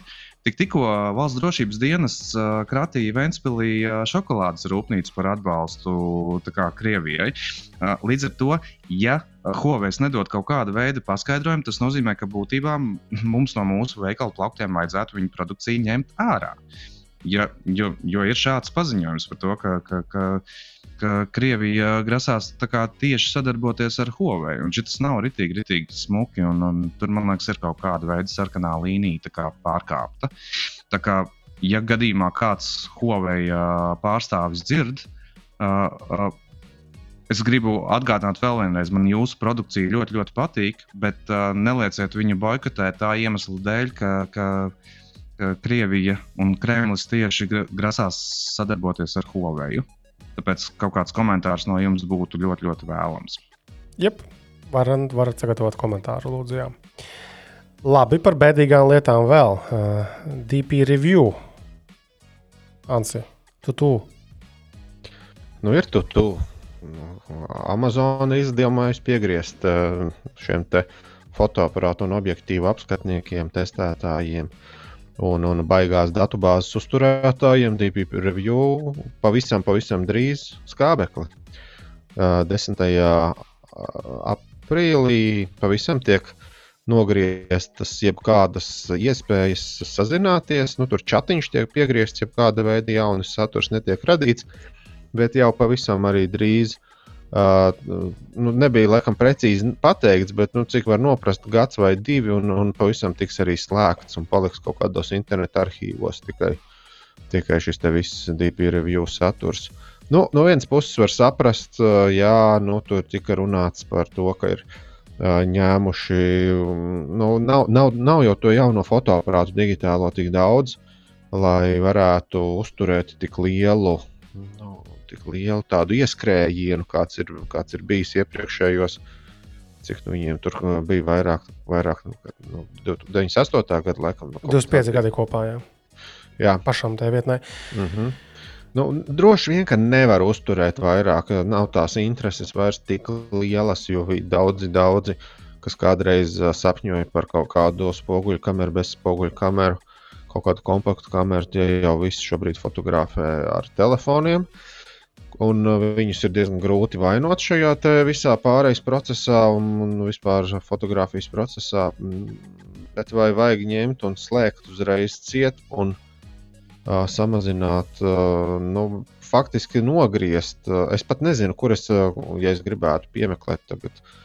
Es gribētu, nu, man, man jāsaka tā, ka DPRVU attīstījās diezgan forši un pēdējos gados uh, tu varēji pat ieklikšķināt, salīdzināt šos te bodiju, nu, tātad kameru izmērus, bodiju izmērus tieši. Ka tu vari paskatīties un, un uzmest aci un, un paskatīties. Nu, tu vari ne tikai paskatīties, kur pogas atrodas, kas, kas būtu loģiski. Foto, nu, nu, tu vari fotoaparātu fotografiju apskatīt vai šo digitālo atveidojumu, bet uh, arī salikt vienu virs otra, paskatīties, cik tie bodiji lieli ir. Kas, manuprāt, tādiem, uh, tādiem dumiķiem kā nu, vairums uh, pircēju, kas nav profesionāli lietotāji, kuram ir vienalga, viņam tur tas uh, fotoaparāts stāv uz statīvu visu mūžu un kaut kur studijā. Bet tādiem, kas staipa apkārt, nu, tam ir būtiski tomēr, vai tev ielīdīs somā, vai tev, vai tev izvēlēties lielāku vai mazāku šo bodiju. Nu, Tas tomēr šāda veida, šāda veida nu, dati, es nezinu, varbūt kaut kur ir, bet es neesmu atradis. Nu, ir, ir ļoti žēl, ka, ka netiks vairs tas viss turpināts, jo bija forši. Uh, bija nenor protams, bija nenormāli specifiski arī šie apskati. Nenormāli dziļi, un, un, un varbūt nevien, nevienmēr šis padarīja to visu saturu noderīgu, ka ir uh, tik ļoti specifisks attaisīts. Uh, Bet no otras puses, ja tu, tomēr tā fototēma ir vairāk nekā garām gājēji, ja mums brīvības ielas paskatīties, pagriezt galvu Sonija centra virzienā, nu, tad varbūt tomēr tas kādreiz noderēja. Nu, žēl patiesībā. Bet runa tiešām ir par ļoti hardcore savas jomas fanātiem. Jo nu, es, es ikdienā nekad neesmu baigi, viņus baigi lasījis, bet esmu arī šad un tad googlējot par kaut kādām kamerām, kaut kādus jautājumus. Uh, vai objektīviem nonācis agrāk vai vēlāk pie DP review un sapratīs, ka oh, nē, baigi dziļi viņi iet tajā lietā. Bet tiem cilvēkiem, kas apzinās kancim, kas nopietni pieiet visiem dzīves jautājumiem, tas varētu uh, arī noderēt. Un, un, protams, ka tādam Amazonam nu, neko diži dārgi gan jau neizmaksā. Cik tur viņiem cilvēku komanda, 10, 20 cilvēki bija kopā, maksas nekas tur dišs nebija.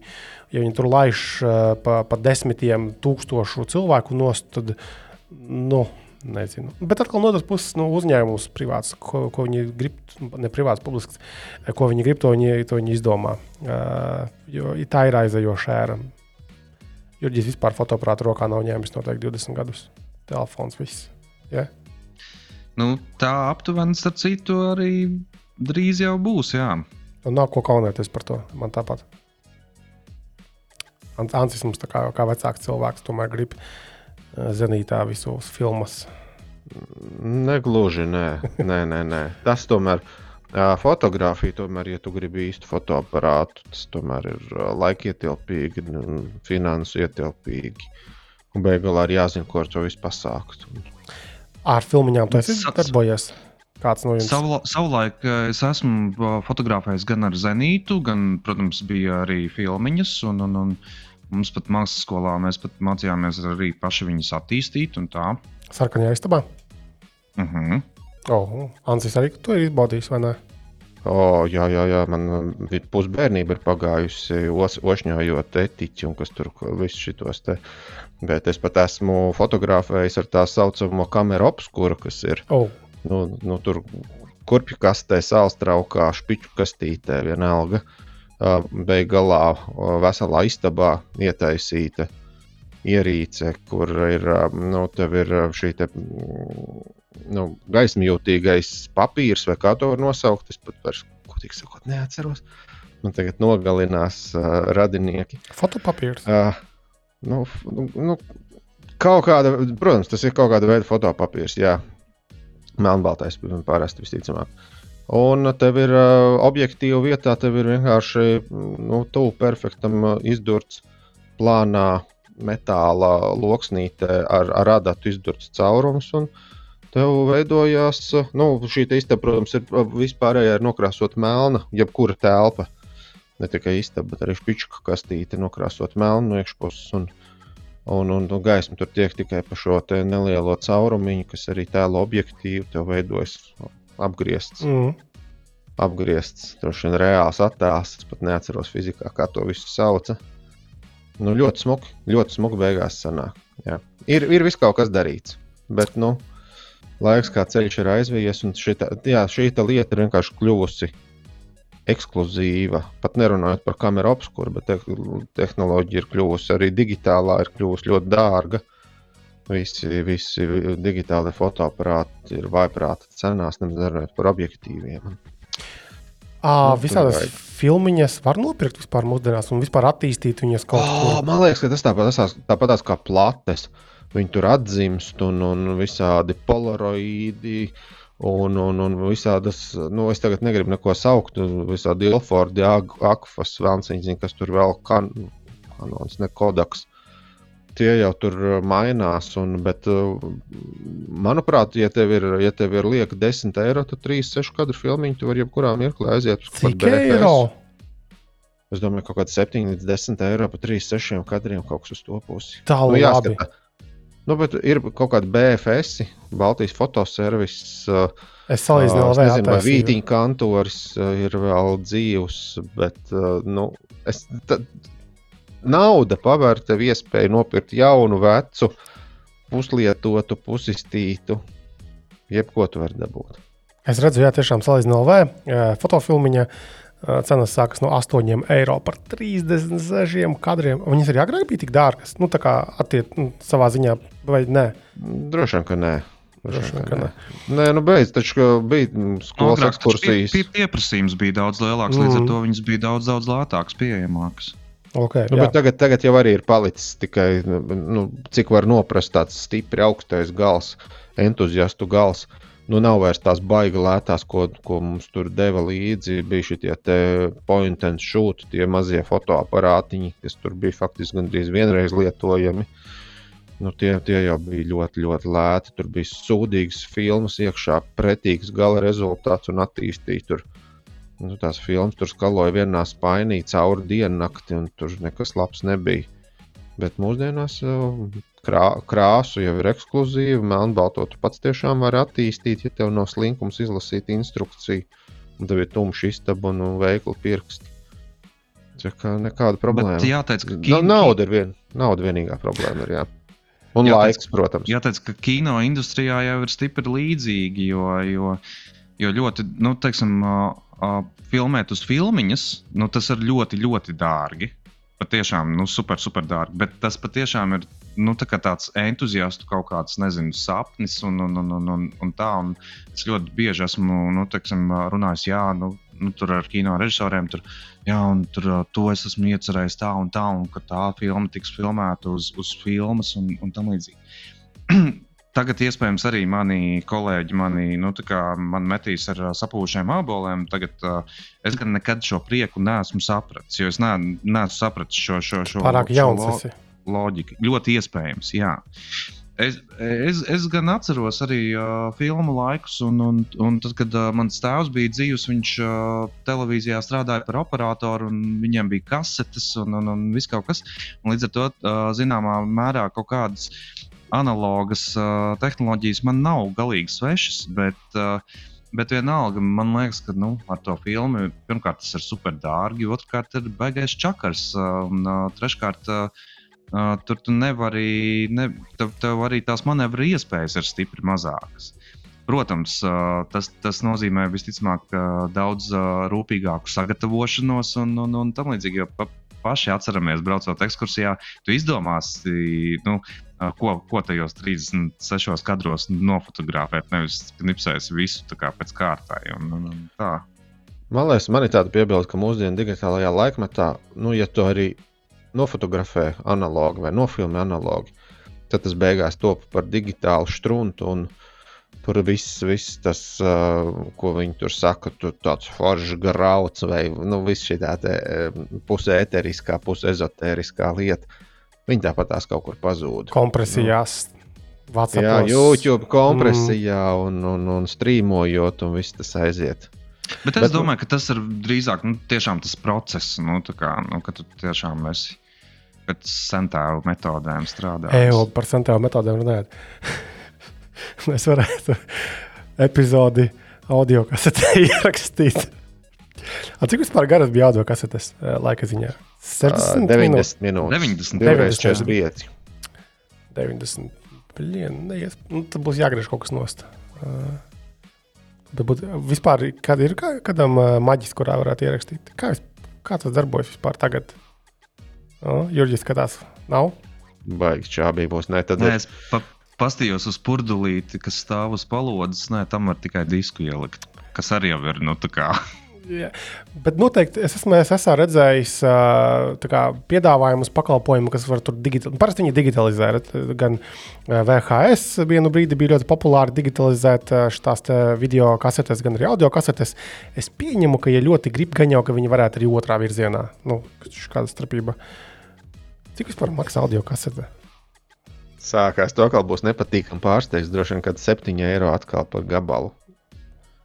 Tur tam kasetēm jau baigās, tur baig, baigās tehnoloģijas, beigās tur bija tur trīs galvu nolasīšana un niķeļa chroma pārklājumi. Aha. Protams, uh, salīdzinot LV, atrod augsts adapteris audio autokasešu magnetolai. Tas ir tas, kas. Ah, nē, kur arī atradu. Ej, tu tieši nevar būt. Tā tad uh, audio kasetēm TDK D120 50 eiro. Tā ir parasta vispār, vai kas tas ir? Tas ir kas? To te var ar 120 ar, ar minūtes. Kā nesīs no, no Vācijas rūpnīcas? Nē, nu, nu, tas izskatās pēc, uh, kur čatā es iemetīšu. Skatieties. Ļoti dīvains veikals, Anita LV. Es nezinu, kas tas ir. Izklausās, ir dzirdēts tāds. Jā, ir tāds. Tā ir, tā ir audio kasete. Nu, tur rakstīts, audio kasete ir pieejams.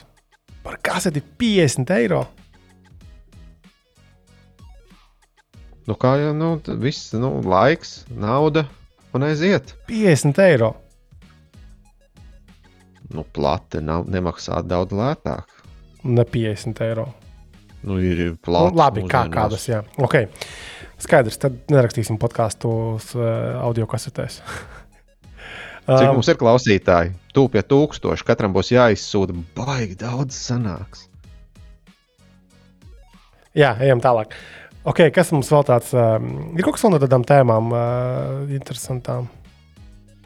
Es gribēju ātri izskriet cauri savām divām tēmām, Aiziet. vai vienai. Cik, cik nu man atļaus laiks? Uh, ir kaut kāds tāds um, datu uzkrāšanas uh, backup rīks, laikam, zipīšāre saucās, nezinu. Uh, patiesībā nav īsti runa pat par zipīšāri, bet vispār par šo internetu backupiem, ka šis zipīšāri ir paziņojis, ka vairs ciet. Uh, jo viņiem ar 45 miljoniem lietotāju nepietiek. Nu, nepietiek droši vien, nepietiek naudas ziņā. Uh, nu, diski droši vien sprākst, tur visādi backupi, raidi, vēlams, kas tur vēl viņiem ir. Bet nu, tas ir mazāk par sūdzību par kaut kādu zipīšu āru, kur neviens nekad nav dzirdējis. Bet vairāk tāds, nu, uh, ko mēs darīsim, ja Google pasaka par savu drive, ko mēs darīsim, ja Apple pasaka, ka viņiem ir apnicis. Un uh, Google, Apple ne pārāk bieži, bet Google šī tā gadās, ka viņiem apnīk uzturēt kaut kādus savus servisus. Nu, visādi cita veida. Ah, man liekas, ka šis ir tāds, kas liek aizdomāties, kur tu glabā savus datus. Un vai gadījumā nevajag tomēr nobakapot citur, vēl citur. Es atveru, tā, Ja es atveru to zipišāri, tādu blast from 2000. Tā lapa neizskatās baigi, laikam līdzi gājusi. Un, un tā kā viņi sevi reklamēja kā free file upload. Kur viņa biznesa bija? Reklāmiņas kaut kādas viņa tur rādīja, vai ko viņa tur rādīja?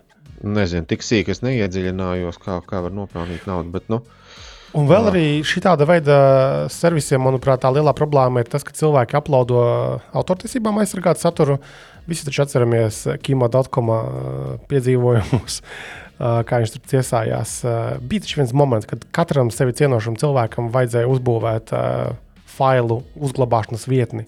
Kad, kad laikam vēl baigi populāri nebija visi šie te, ne OneDrive, toreiz mākslinieks viņš skaidrēja, saucās vispār senos laikos, un, un ne Google, kā iClouds vispār vēl nebija tāds. Un tad bija visi šie maziņie brīnumi. Lūk, uh, jā.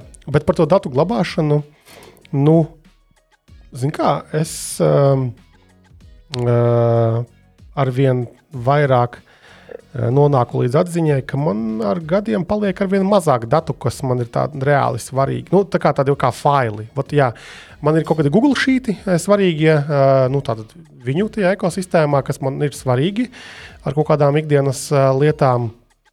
Un tad ir kaut kādi faili tieši nu, darba jautājumos, faili kā faili. Bet es teiktu, ka kopumā tādu super svarīgo datu apjoms man ir vispār manā, manā mūžā. Ir, es nezinu, gigabaits nesavāksies. Pat, nu jā, pat mazāk. mēs runājām, ka, ka, ka tavu bērnu neredzēs nevienu savu bērnības fotografiju, jo tas vienkārši neinteresē jā, ne, ne tik jā. daudz.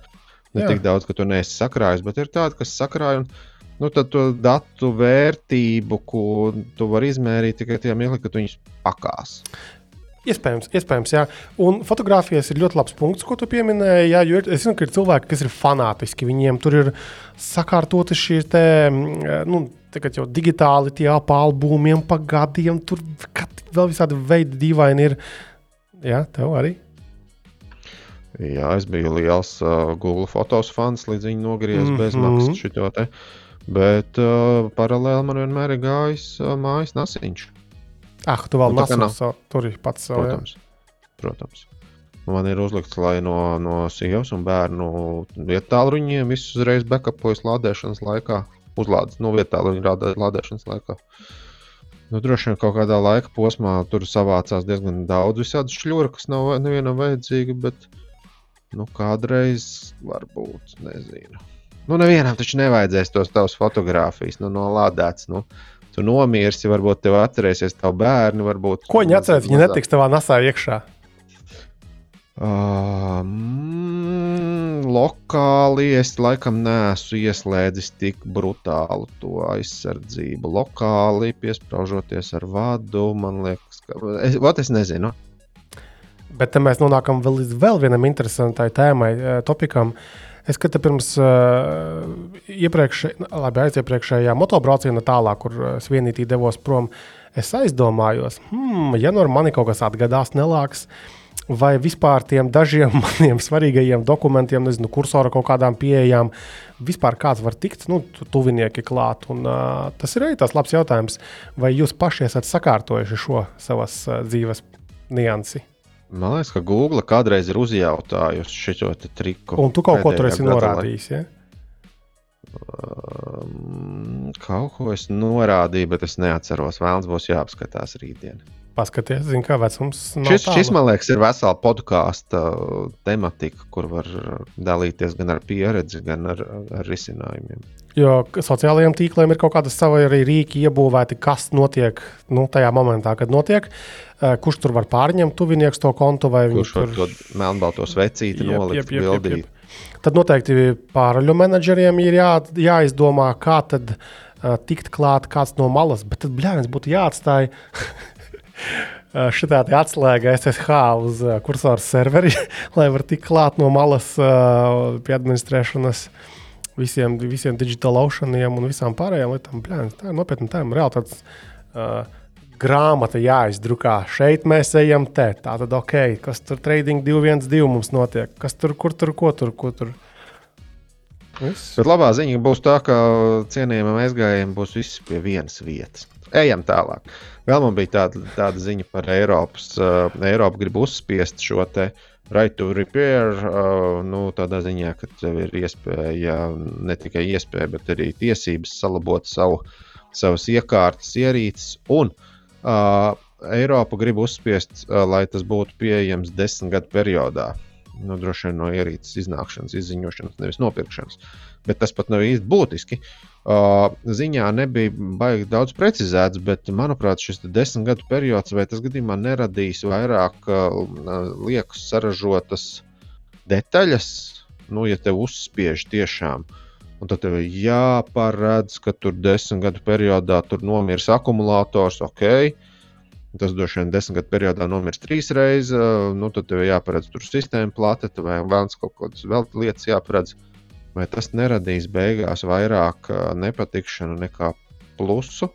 Un beigās, ko mēs mūsdienās varam salabot? Nu, ko, kā, nu, mēs ar tevi neko ķerties no savas mājas? Ok, es zinu, Kristaps laboja uh, trauku mašīnu. Graideri. Trauku mašīnas nelabojas. Viņi iztīrīja ūdeni apakšā. Es tā arī neatradu, no kurienes viņš tur satecēja. Un joprojām darbojas. Vairāk es neko neesmu labojis. Nu, sadzīves tehnika jau ik pa brīdim, nu, piemēram, arī nu, beļģis mašīna no, noplīsa. Nu, tur ah, vajadzēja nomainīt tikai vienu, vienu detaļu. Es pats nelaboju. Ah.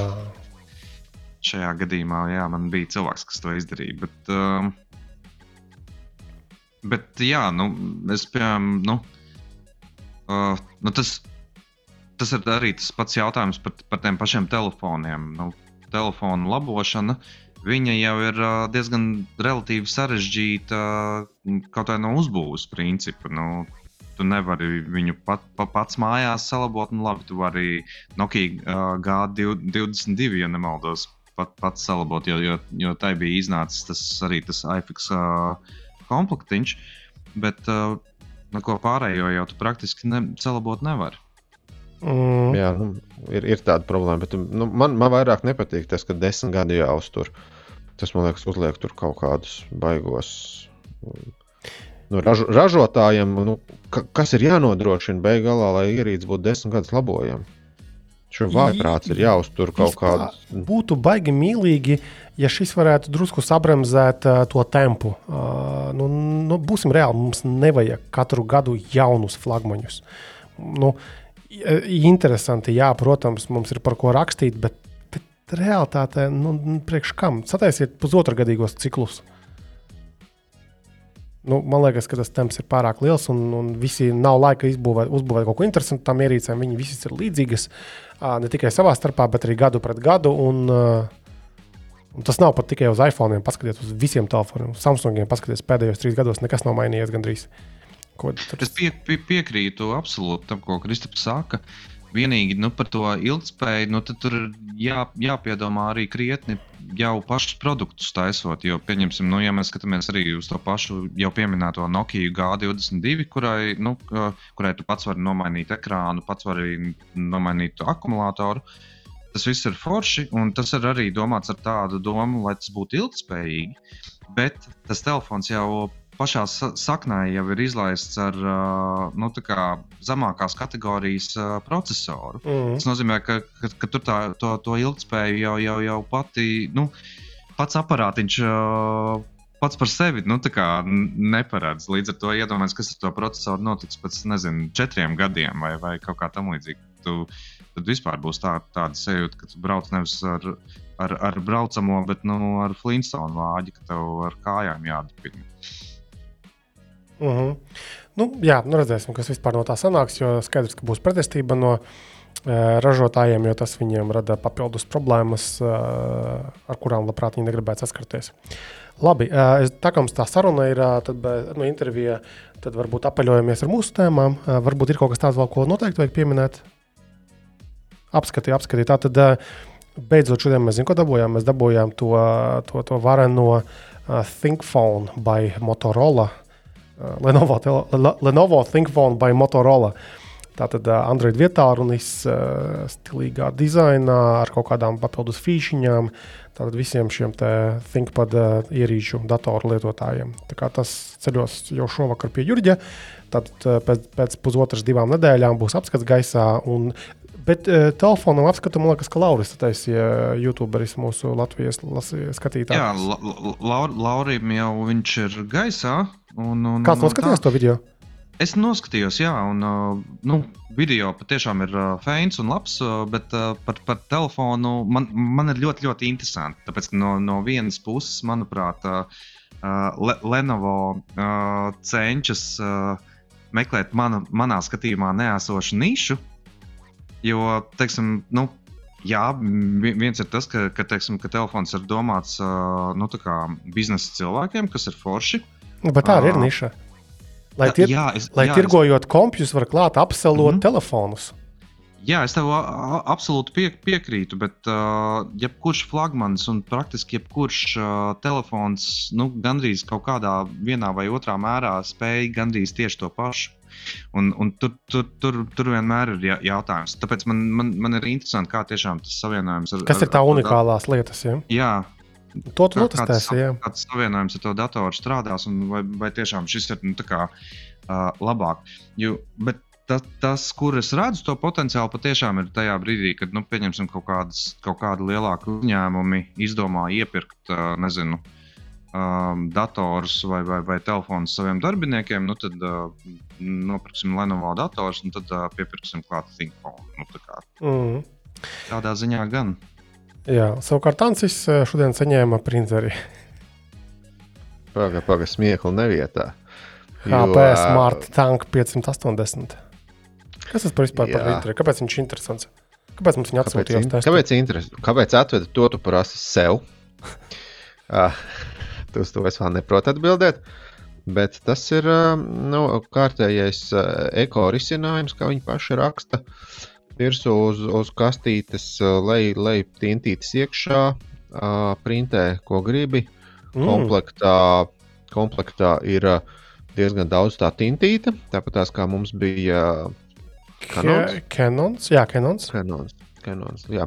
Tikai šis HP printeris izmēra ziņā jau šī printera kaste ar visu iepakojumu. Printeris ir tikpat liels kā kanons, vai pat mazāks, man gribētos tā sakot. Tas ir milzīgs, jā. Bet šis pie tam ir HP All-in-Ones, ja? Tur viss ir skeneri. To es tev tā precīzi nepateikšu. Es vienkārši mājaslapā skatos tagad. Jā. Bet uh, maziņš izskatījās, un, un tur tika solīts, uh, pārstāvs solīja, ka ir trīs gadu garantija uh, reģistrējoties mājaslapā ne tikai privātpersonām, bet arī uzņēmumiem. Mm. Uz, šī garantija tiek dota uz ierīci, nevis uz ierīces lietotāju. Kaut kā tā, kaut kā tā man tika paskaidrots. Nu, to izpētīsi. Tas, tad, to es vēl izpētīšu, šī ir pu, pu, puspatiesība. Bet izskatījās ļoti interesanti, un arī, cik varēja noprast, Kristaps tur sūdzējās, ka viņa kanonam tur kalst galvas ciet. Šeit uzreiz ir pateikts, ka galvas ir nopērkamas atsevišķi, ir atsevišķa galva uh, melnē krāsai un atsevišķa galva uh, krāsainajām krāsiņām, vai kā to var nosaukt. Un laikam es sapratu, ka tur bija lielie patsmiti vai mazie 20 par šo galvu komplektu. Mm, tu uzreiz ar komplektu nopirkt, lai stāv.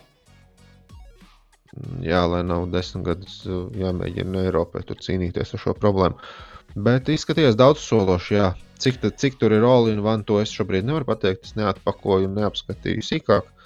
Bet, bet kā drukas ierīce izskatījās, mājas lietotājiem ļoti, ļoti interesanta. Tīpaši tā cena bija uh, precīzi nepateikšu, bet esot zem šobrīd uh, drusku zem 200 eiro. Un uh, trīs gadu garantija, un, un, un diezgan daudz tinta tiek dota līdzi trīs pudeles melnā un pa vienai no katras uh, šīs krās, krāsas. Un tā ir baigā stela, jo tas Canons jau pirms trim gadiem vai četriem ļoti sen mēs viņu testējām. Nu, baigi sen bija. Jā. Un es neesmu izdrukājis vispār par to pirmo komplektu, pie tam diezgan regulāri kaut ko bērniem tur drukājot. Uh, es neesmu izdrukājis pat melno. Uh, to, to, tur bija milzīgi rezervāri, bija, man vēl burka stāv uh, skapja augšā. Šie ir nu, nopērts mūžību, viņš tur strādās.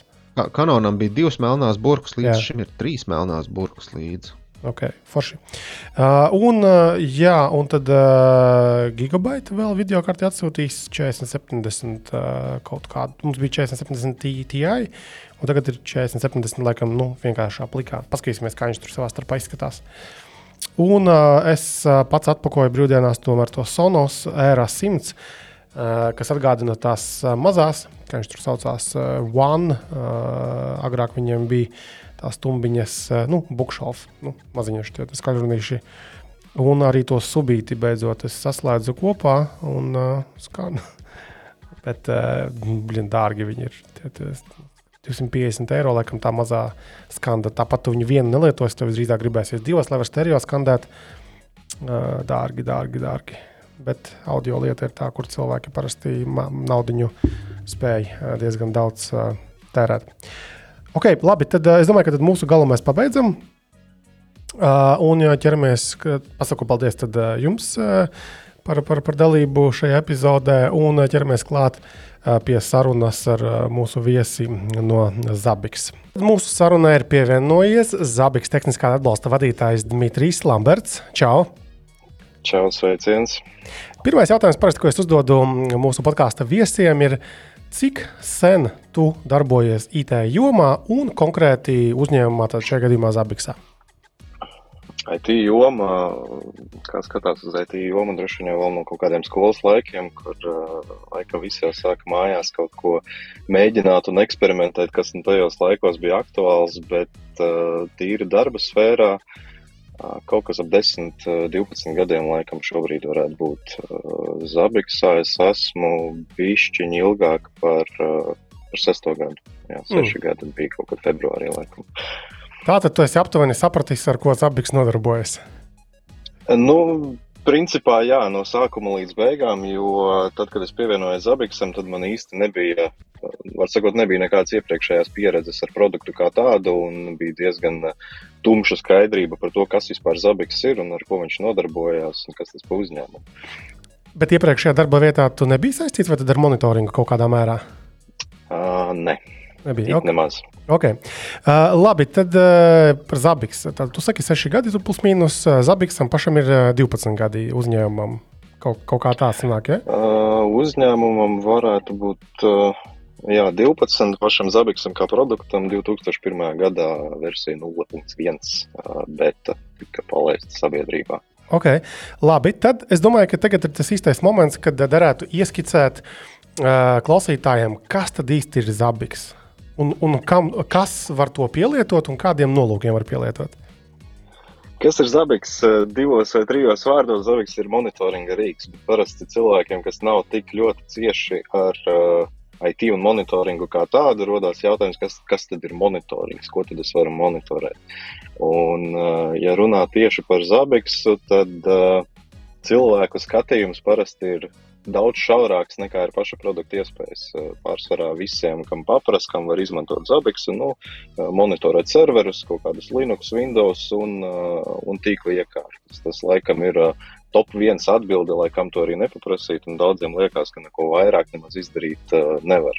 Bet patiesībā Zabiks ir ļoti liels, apjomīgs un plašs produkts, kas ietver sevi daudzus rīkus, kuri var palīdzēt piepildīt uh, mērķi un uzdevumu, kas tam lietotājiem varētu būt. Uh, kādi ir tie mērķi un uzdevumi, tas jau ir uh, stipri atkarīgs no katra, sākot ar kaut kādiem mājas pro projektiem, vai tas var būt nezinu, kaut kāds home labs ar kaut kādiem pāris serverīšiem, kur jā, mēs varam monitorēt elementāri tur, nezinu, diskus, procesoru, noslodzes un tam līdzīgas lietas. Beidzot ar nestandarta gadījumiem, kas mums te nav pieredzes, ir dzirdēt no lietotājiem, ka cilvēki monitorē savus sievas puķu dobes augsnes mitrumu un, un, un skatās, ka tad ir laiks ar laikanu pieskriet vai pat to visu automatizē un pateicoties Zabiksam, tā laistīšana notiek automātiski. Uh, ejot tālāk uzņēmumos, uh, ļoti dažādi teiksim, darbības virzieni, ir uh, finanšu sektori, veikali, kaut kādas lidostas, rūpniecības, uh, interneta veikalu un kaut kāda servisa piedāvātāji. Tātad katram ir jā, jāsaprot pirmkārt, ko es vēlos savākt datu ziņā un kā šie dati man var palīdzēt. Tātad risinājums, kas plēlam darbojas ar datiem dažādiem. Un, nu, plašāk, kā, kā nezinu, diska vieta tur, vai, vai kaut kāds tīkla parametri. Jā, teiksim, tie, tie trīs galvenie līmeņi, laikam, ir sākumā datus ievākt. Un kā datus ievākt, tas ir viens uzinstalējot Zabiks aģentu, kas tiešām standartā iet Windows, Linux, Unix sistēmas. Uh, tālāk aiziet dažni dažādi protokoli, kā mēs varam monitorēt kaut kādas weblapas, sensorus, elektrības skaitītājus, datubāzes, jebkuras aplikācijas, kuras mums varētu darboties. Tad, kad mēs datus ievācam, tad ir datu apstrāde ar triggeriem. Ja mēs gribam saprast, ka ok, ja nu, teiksim, elektrības patēriņš pēdējā mēnesī ir 20% lielāks nekā iepriekšējais, gribu, lai man par to paziņo un skatīšos, kas par lietu varbūt kaut kas ir noticis. Un pēdējais droši vien tā ir datus ir svarīgi glabāt. Un, uh, Tas ļauj viņus izmantot arī pēc tam, ieskatīties vēsturē, kas, kas ir noticis, attēlot grafikos, attēlot uh, dažādos dashboardos un gūt to priekšstatu par to, kas notiek uh, environmentā, kur mēs monitorējam. Vai Zabiks ir uh, būtiski nu, tieši savas tās misijas un, un, un, un tā pielietojuma ziņā mainījies pa šiem 12 gadiem? Jo tagad tu tā baigi, baigi plaši stāsti, jo mana saskaršanās ar Zabiksu bija nu, tiešām nu, pieci un, un vēl senāk atpakaļ. Un toreiz es arī, kā jau tu minēji, to uztvēru nu, kā pa lielam serveru monitoringa tūlī. Jā, nu, kad viņam diska vieta beigsies, kad sāks beigties, tad uh, atsūtīs paziņojumu. Un tagad tu uzbūri tādu ainu, ka krietni plašāk tur augi, tur kaut kāda elektrības skaitītāja viedie, vēl vis kaut kas. Kurā brīdī tā izmaiņa notika? Vai tas vienmēr tā ir bijis? Um, principā tas ir vienmēr tā bijis, tikai pēdējos gados tas ir kļuvis vairāk uh, pieejams lietotājiem. Jo, ja mēs ieskatāmies pagātnē, tad tie paši pieci gadi atpakaļ, tad, ja tu atnāktu uz kaut kādu zabiks uh, zvanu, parunāt par to, kas ir zabiks un prasīt, es gribu monitorēt augus, vai jūs to varat, uh, galvenokārt atbilde būtu jā, bet būs jāuzraksta skriptiņš, kas tur ar tiem sensoriem komunicēs un tālāk jau iegūtus datus pārsūtīs uz zabiks. Un gadiem ejot, eh, produktā aizvien mazāk un mazāk ir nepieciešamība pēc tiem kaut kādiem Python vai vēl kaut kādiem skriptiņiem, un aizvien vairāk un vairāk ir pieejams no paša frontenda. Tur arī liela pateicība ir mūsu integratoru komandai, kas tika izveidota arī burtiski pāris gadus atpakaļ, kuru galvenais uzdevums ir taisīt un, un, un, un, un ražot tos templatus un, un integrācijas dažādas, kas ir pieejamas jau uzreiz pēc Zabiks instalācijas. Mums nav jāver vaļā notepads un jāraksta skripts, mēs vienkārši ieejam templatos, ok, re, kur ir AWS clouds, es viņu gribu monitorēt, es taisu hostu ierakstu IP adresi un aiziet viss notiek. Vai te vēl nav nāk, nācis arī tālāk tas, ka to, kopumā arī tā visa pasaule, tā gadžeta pasaule, ir uz to kopsadarbību. Nu, ja agrāk, piemēram, nezinu, tur būtu mazāk šo ierīču, bija varbūt kaut kādās slēgtākās ekosistēmās, tad tagad gan jau ka palielam visi labprāt nu, grib uz tām integrācijām, lai varētu pieskrūvēt jebkuram servisam. Tas arī spēlē lomu kaut kādu. Um, jā, uh, noteikti ir atkarīgs no tā, cik, uh, cik atvērts ir uh, tas produkts, ar kuru mēs gribam Zabiks salietot kopā, vai tas būtu priekš monitoringa vai tīri priekš konfigurācijas, integrācijas. Būtiski ir, lai ir kaut kāds API interfejs uh -huh. Mhm. otrajā produktā. Un, nu, pēdējos laikos, es nezinu, man nenāk prātā nekas, kurš būtu nu, tik ļoti ciet, kad nav nekādas iespējas viņam no ārpuses tik klāt un kaut ko uz, uzzināt. Uh -huh. Kāda Apple produkta vienīgais varbūt? Droši vien, jā, jā. bet ja mēs runājam par tiem pašiem, nezinu, uh, MacBookiem kaut kādiem un, un, un Mac serveriem, tad uh, aģenti tāpat tur var uzlikt. Jā, ok. Labi, tā tad Zabiksa tā burvība ir tāda, nu, ka atkal kā es pieņemu, kaut kādā kapacitātē mēs viņu varam dabūt bez maksas. Un tad ir tā maksas daļa. Pastāsti par to nu, biznesa modeli vispār uzņēmumam kopumā, un ko mēs varam dabūt nemaksājot, un kurā momentā mēs gribēsim eh, maksāt Zabiksam, lai dabūtu kaut ko vairāk, plašāk, nezinu, atbalstu. Kā tas darbojas? Šis izklausās interesanti, jo šī ir viena no klasiskajām kļūdām, kad yeah? cilvēkiem liekas, ka bez maksas ir kaut kāda daļa. Uh, bet, ja, kā ir patiesībā, patiesībā teiksim, okay, uh, ja mēs instalējam uh, packages vai, vai kaut kādus gatavos cloud images, tad tā būs pēdējā stabilā versija. Bet, uh, ja mēs runājam par kaut kādu dokeri, tu vari uzlikt dokeri, paņemt branču trunk, un tur tu vari uzlikt zabeksu, kurš ir taisīts līdz vakardienai. Mm. Pa nakti ir uztaisījies tas bilds, tas konteiners, un tur ir pieejams pilnīgi viss, kas mums uz doto brīdi ir, gan, gan cilvēkiem, kuri maksā, gan cilvēkiem, kuri nemaksā. Tātad funkcionāli ziņā Zabiks ir simtprocentīgi bezmaksas. Mums nav nekādas uh, maksas funkcionāli vai maksas templēti vai kaut kas. Nav pilnīgi nekādas limitācijas par uh, hostu skaitu, itemu skaitu, cik tu metrikas vēl iekšā, cik ilgi tu viņu glabā. Viss ir pilnīgi bez maksas. Citiem vārdiem sakot, tu pat vari ieiet uh, Zabiks.com downloads, uh, uzlikt savu Zabiksu, lietot viņu pilnā apmērā, mēs pat nekad neuzzināsim, ka tu viņu lieto.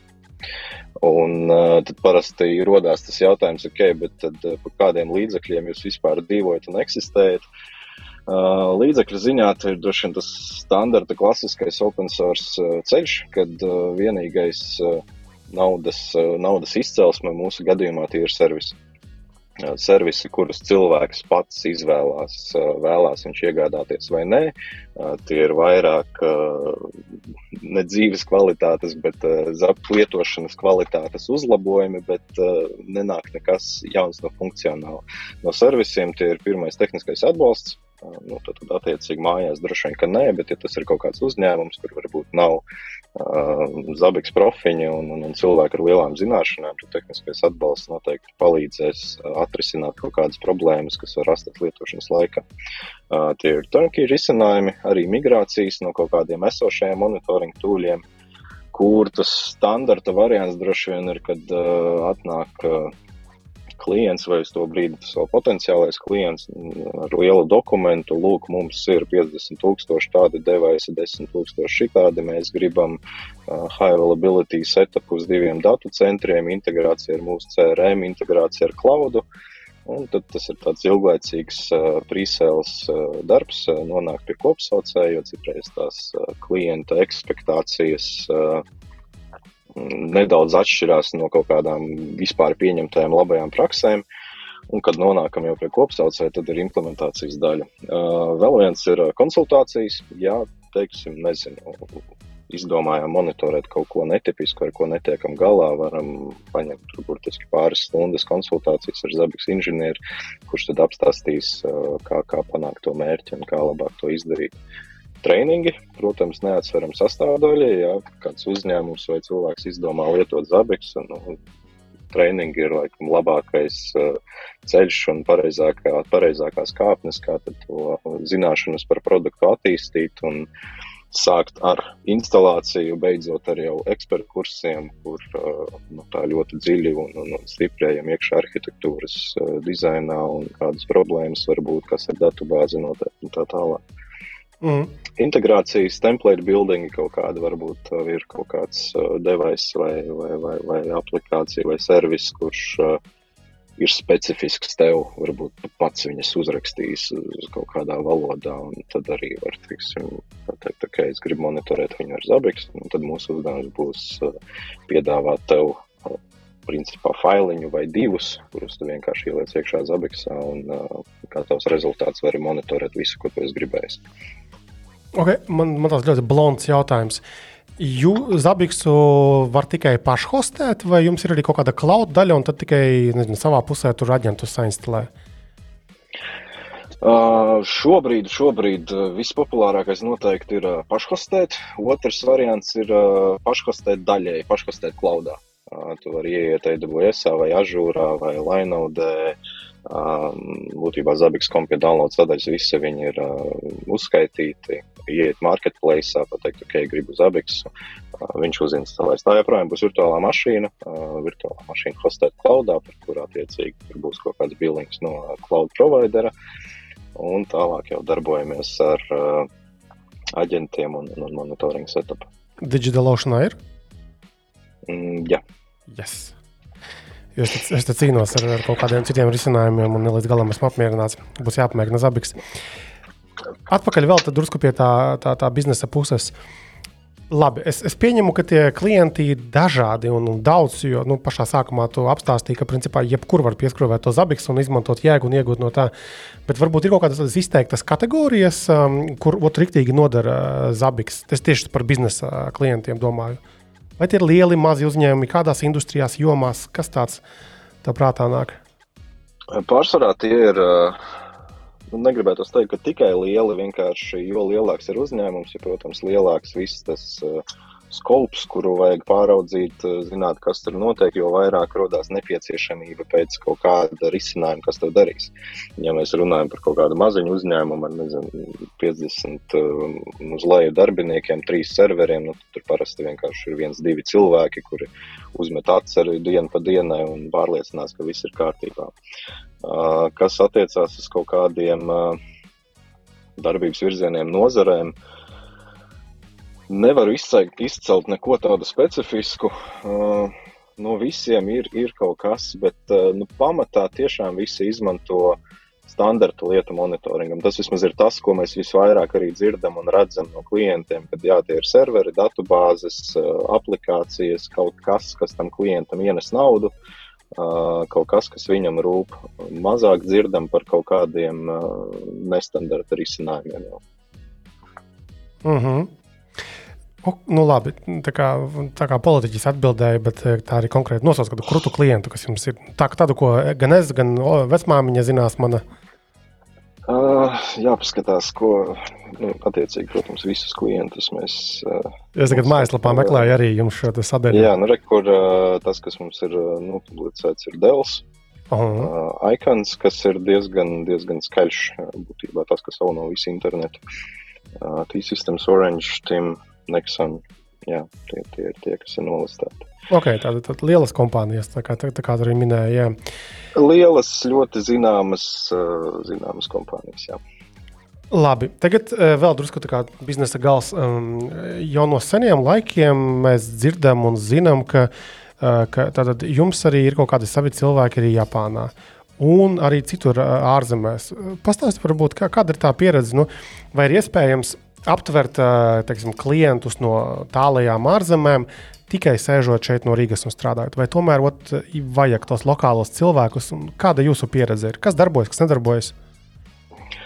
Uh, iespējams, noteikti, kad ir arī sēžot uz vietas, bet tas ir uh, neskaitāms reizes grūtāk. Un, uh, tāpēc uh, oficiāls un, un cilvēki mums ir ne tikai Japānā, ir arī mums uh, pārstāvniecība Savienotajās valstīs un arī Brazīlijā jau trīs gadus.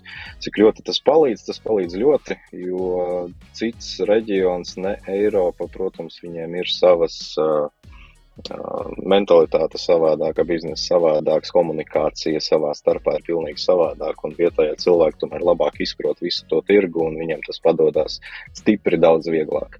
Ja mēs būtu šeit uz vietas, tad, nu, protams, tur jau milzīgs darba apjoms ir vispār izprast to tirgu un kas, kas tur notiek, kas strādā, kas nestrādā, un tikai tad mēģināt iet priekšā.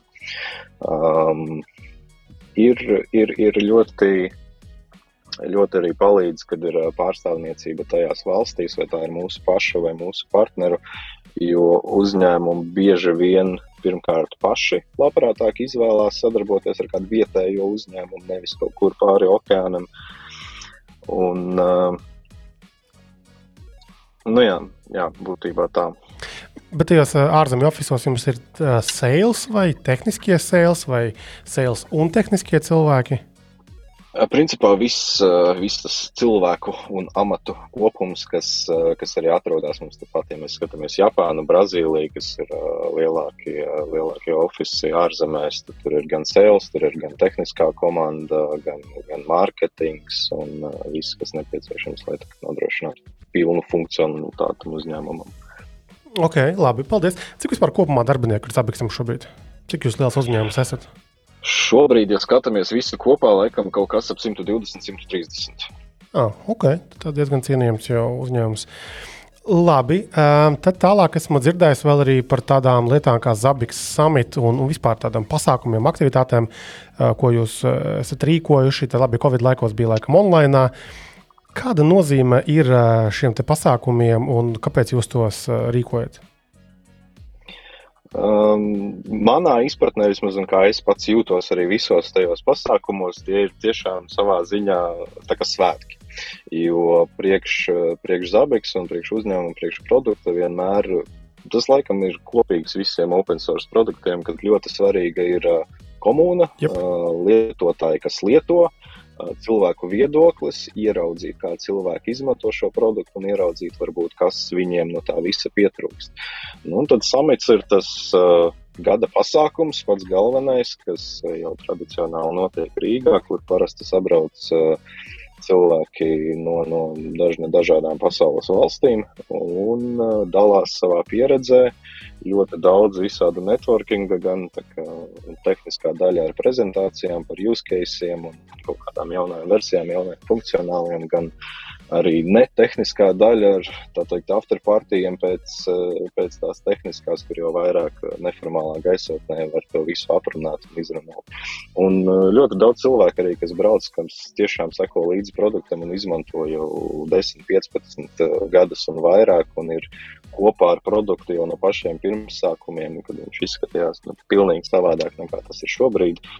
Un, uh, Daudz jau tiešām ir kļuvuši vienkārši par uh, draugiem. Tas nav tā, ka vienkārši sveši cilvēki atbrauc katru gadu un kaut ko mēģina padalīties, bet cilvēki brauc gadu no gada un viņus visus jau ar laiku iepazīst.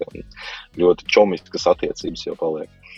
Kas attiecās par kaut kādiem mazākiem pasākumiem, tad viņus mēs tiešām cenšamies organizēt uh, iespēju robežās pēc iespējas vairāk. Uh, centāmies gan, gan Covid laikā, tad tiešām bija virtuālie pasākumi. Šogad uh, diezgan uh, stipri esam atgriezušies ar uh, on-site pasākumiem.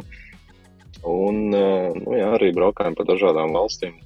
Pagājušajā nedēļā es pats biju nosacīta pat netālu. Mums bija Lietuvā un Polijā. Uh, Šonadēļ ir Somijā, Igaunijā, pēc tam būs vēl Šveice.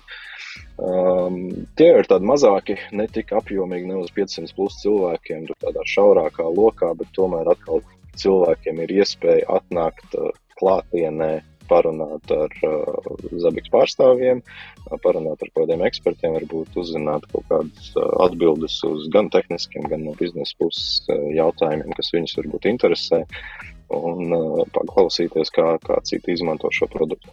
Tie ir jūsu organizētie nu, mītāpi, vai tie kaut kur pieslēdzaties kaut kādos esošos pasākumos?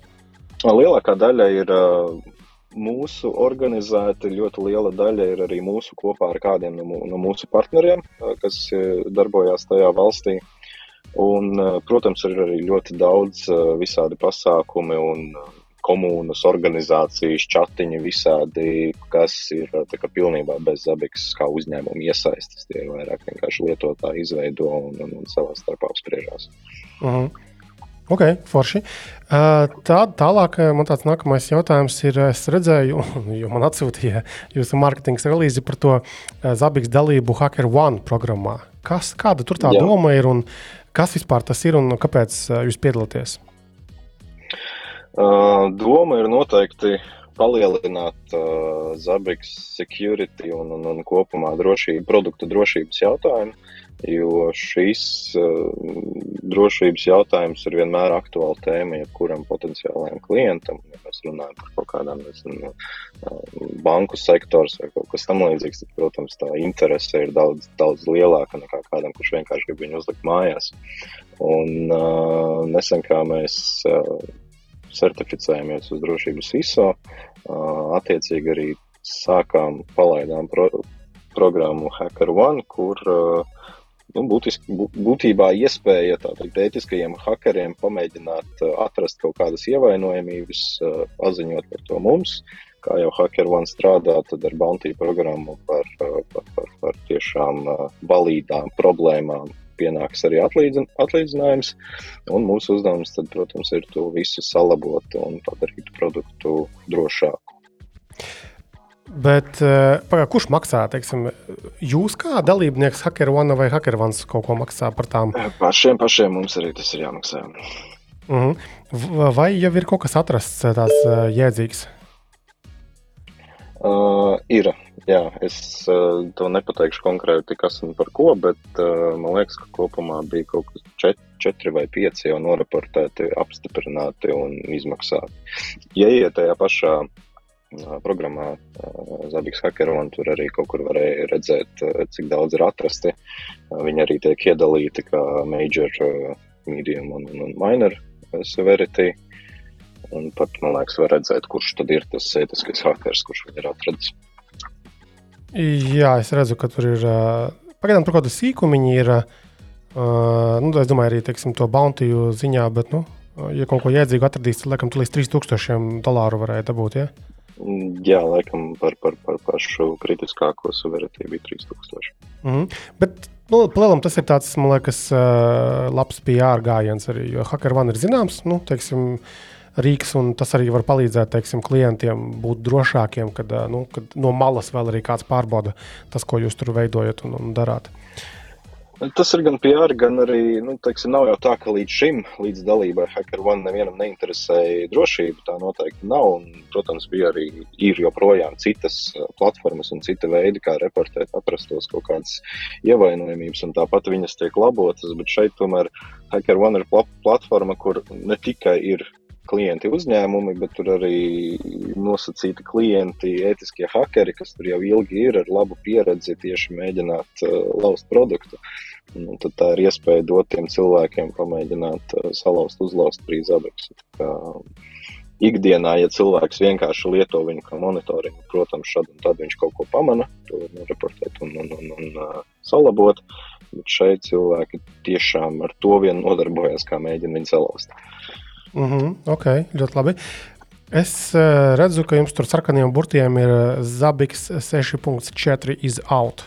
Tātad tas ir jaunākā ir. versija. Uh, kas, kas jums tur tāds ir jauns un uh, ieinteresē mani uzlikt?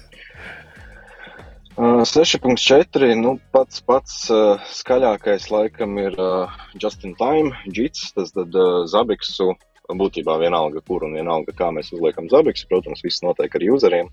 Uh, defaultā userus uh, tais, taisam pašā, pašā zabiksā. Mums esam login, paroli, cilvēks autentificējas un visi tie credentials glabājas uh, datubāzē. Bet uh, no sākta gala ir bijušas iespējas arī saintegrēt uh, zabiksu ar LDAPu, uh, samlu, piemēram, aktīvo direktoriju, kas uh, ļoti noder lieliem uzņēmumiem, tīri useru menedžmenta ziņā. Teiksim, mēs negribam, ja cilvēks pieņemsim, aiziet prom no darba, iet iekšā 15 dažādās sistēmās un atcerēties visās viņu izslēgt. Mēs gribam to izdarīt vienā vietā, aktīvā direktorijā un, attiecīgi, pieejas pazūd visās saistītajās sistēmās. Tad ilgu laiku pirms tam būtībā tas strādāja viss daļēji. Bija iespējama tikai viena lieta, verificēt, ka tāds lietotājs ir gan Zabiksā, gan aktīvajā direktorijā. Attiecīgi, ja mēs pat integrējam ar aktīvo direktoriju, mums joprojām ar rociņām vajadzēja iet Zabiks frontendā un uztaisīt šo lietotāju, un tad viņi tikai tika salīdzināti. Šobrīd ar uh, Just-in-Time JITu ir iespēja vienkārši saintegrēt Zabiks ar aktīvo direktoriju, izmantot uh, tagus, grupas un norādīt, ka, pieņemsim, aktīvās direktorijas adminu grupa ir pieeja šīm, šīm un šīm zabiksā. Viņa tur ir ar admin tiesībām, viņi var gan mainīt, gan, gan skatīties. Un tas viss jau notiek automātiski. Beidzot, ir tāda pilna mēroga integrācija, nevis tikai daļai salīdzināšana. Kas vēl? Tas ir, kas ir vēl? Uh, konfigurācijas uh, atjaunošana, kas ir uh, svarīgi visiem, kas ar to stragloja. Eh, ja mums, teiksim, nu, būtībā kā tas vispār notiek, visa konfigurācija mums glabājās uh, datubāzē. Ja mēs kaut kādas izmaiņas taisam frontendā, pievienojam kādu jaunu devaisu vai itemu, ko mēs gribam monitorēt, viss aiziet uz datubāzi. Uh, servers tālāk uh, pieslēdzās datubāzei un nolasa visu konfigurāciju. Notiek tas by default vienā minūtē, un principā tas pats attiecās arī uz prokšiem. Tad, ja mums ir kaut kāds distributed monitoring, tad prokši pieslēdzās jau pie, pie Zabegas centralizētā servera un atkal paprasa, ok, es esmu šis proksis no Ventspils, kādus hostus, kādus items, ko man vajag monitorēt, ko ar viņiem darīt. Tad, kad infrastruktūra aug, protams, aug arī tas konfigurācijas apjoms, Un uh, lielām instancēm, nu, tādām tā ļoti lielām instancēm, ja mēs runājam ar cilvēkiem, kas ar Zabeksu ikdienā strādā, tad būtībā tā galvenā metrika, kas norāda izmēru, ir uh, new values per second. Uh, ne hostu skaits, ne itemu skaits, bet tīri cik mums jaunu datu nāk iekšā katru sekundi. Ja mēs aizējām 10,000, 20,000 un uz augšu, tad principā tas jau klasiski nozīmē, ka konfigurācija ir tik liela, ka, uh, lai Zabiks serveris vai prokši viņu paņemtu, tas aizņem stipri lielu laiku. Uh, kamēr notiek tā sinhronizācija starp datubāzi noslodze uz datubāzi un pašu zabiku serveru vai proxy ir ļoti liela.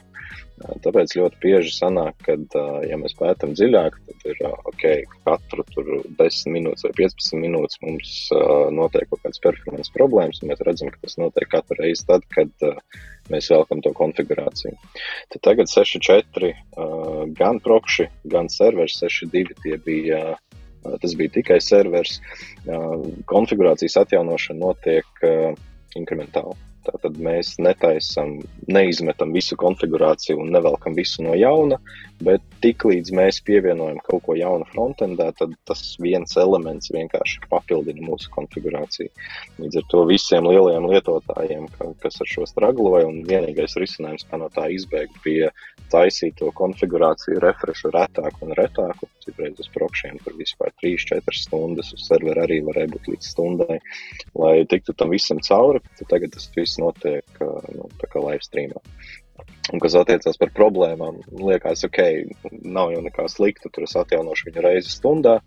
Ikdienā strādājot, tas diezgan traucē, jo es varbūt cenšos pievienot kādu jaunu monitoringu, kaut, kaut ko sarežģītu. Es viņu uztaisu frontendā, un būtībā tas nozīmē, ka man stunda ir jāgaida, kamēr es vispār ieraudzīšu, vai es visu pareizi sataisīju vai nē. Tad paiet stundas, ieraugu, o nē, es te kļūdu pieļauju, izlaboju, gaidu nākamo stundu.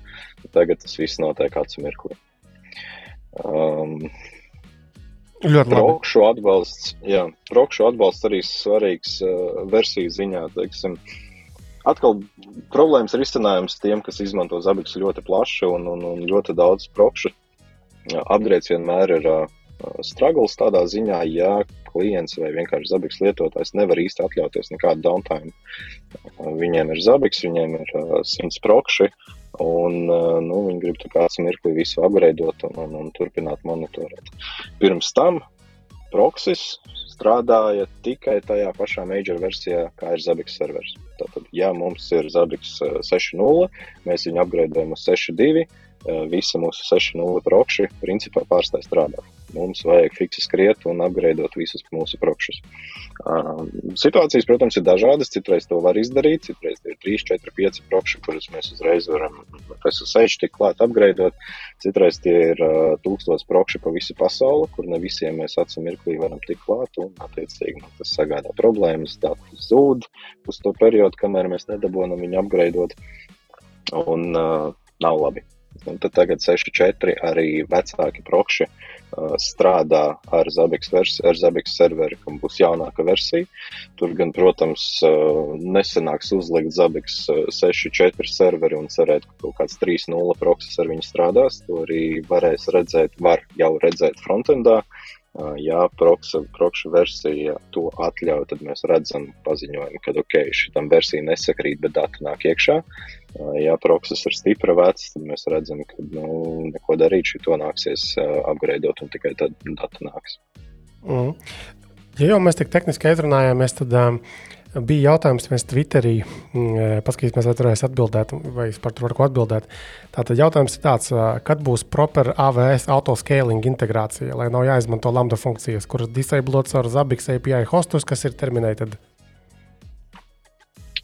Tas gan bija viens teksta bēriens. Diezgan, jā. Es tagad mēģinu saprast proper AVS hostu Iekopēšu čatā, tagad vienkārši, lai tāds priekšā redz to jautājumu. Kaut kas ar AVS un uh, autoscaling integrāciju. integrāciju.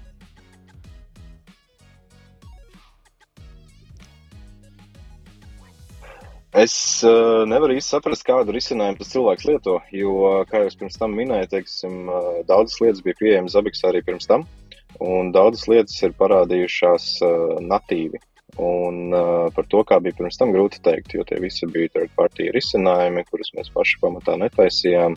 Un risinājumi bija vairāk kā viens. Ja mēs runājam par to, kā ir tagad, um, es varbūt vienkārši pastāstīšu, kā tas strādā. Un, un, un, un, un es nezinu, varbūt cilvēks sapratīs. Uh, Vai arī vienkārši norādi, kur viņam rakstīt? kur rakstīt? Uh, Sākumā ir jāsaprot, vai tā ir problēma, vai, vai tas ir uh, lūgums pēc uh, izdarīt šo labāk. Uh, jebkurā gadījumā mēs nonākam support.zabiks.com. Kas ir publiskais Jira projekts. Viņi būs redzami divi. Viens ir ZBX, otrs ir ZBX Next. Ja tā ir problēma, kas nestrādā tā, kā tam vajadzētu, balstoties pēc visiem aprakstiem un dokumentācijām, tad ZBX, ja tas ir lūgums uztaisīt kaut ko labāk vai, vai papildināt, tas ir ZBX Next. Uh, bet uh, divos vārdos, kā tas šobrīd strādā, es saprotu, ka runa iet par uh, virtuālajām mašīnām, uh, EC2, tā pašā AWS. Un tad Zabiks uh, pievienojās jā, caur API pie, uh, pie AWS un nolasa visas virtuālās mašīnas, kuras mums tur ir, kurām mums ir rīt pieejas tam API userim, un attiecīgi satais arī hostus uh, satais hostus. Tālāk mēs jau varam skatīties, kas uz tām virtuālajām mašīnām ir virsū un, attiecīgi, pievienot automātiski templētus, sākt monitoringu. Ja tā virtuālā mašīna vairs nestrādā vai viņa ir izdzēsta, tad Zabiks viņu nākamajā discovery ciklā, kurš notiek uh, by default, man liekas, pēc stundas, vairs neatradīs. Un tad jau uh, atkarībā no low level discovery uzstādījumiem, vai nu tas hosts karāsies kā marķēts, ka šis pirms tam bija, vairāk viņa nav. Un viņš pazudīs pēc x dienām, vai nu mēs varam norādīt vienkārši nulīti, kad ja kaut kas netiek vairs diskaverēts, tad mēs viņu dzēšam. Uh, varbūt es pieņemu, ka jautājums varētu būt par hostiem, kas uh, ir AWS, bet viņi ir uh, varbūt disablēti, var, varbūt uh, status viņiem ir vienkārši stopt vai vēl kaut kas tamlīdzīgs. To es daudz sitienu uzreiz nemācīšu atbildēt. Ir jāskatās, kādi, kādi dati, kādi LLD makrosi vispār nāk no AWS, vai to ir iespējams izmantot uh, filtros, lai norādītu, ka ok, jā, virtuālās mašīnas status ir stopt, tad es viņu nevēlos uh, pievienot Zabiksam. Ja tāda nav, tad ZBX next. Un, jebkurā gadījumā, es to pat nesaku, kā mēģinājumu atkritīties no jautājuma un aizsūtīt cilvēku kaut kur citur. Šīs integrācijas ir tiešām tās lietas, kur mēs ļoti sagaidām kaut kādu feedback no lietotājiem. Jo AWS integrācija viņa ir, bet uh, pilnīgi noteikti mūsu skatījums nav tāds, ka ok, mēs viņu uztaisījām, visu aizmirstam, dzīvojam tālāk, taisam kaut ko citu. Ir, ir plāni, protams, to visu ap, attīstīt, pilnveidot, pievienot vairāk, dot cilvēkiem lielākas iespējas kaut ko izmainīt. Tā kā šis bija arī lūgums no, no integrētāja komandas, kad, ja ir kaut kādi ieteikumi vai vēlmes, droši rakstam, prasam, sūdzamies. Okay. Tas, protams, nedod nekādas garantijas, ka nedēļas laikā hops un viss, viss ir, viss strādā, bet tas arī nekur nepazūd un, un, un protams, tiek piefiksēts. Mm, paldies.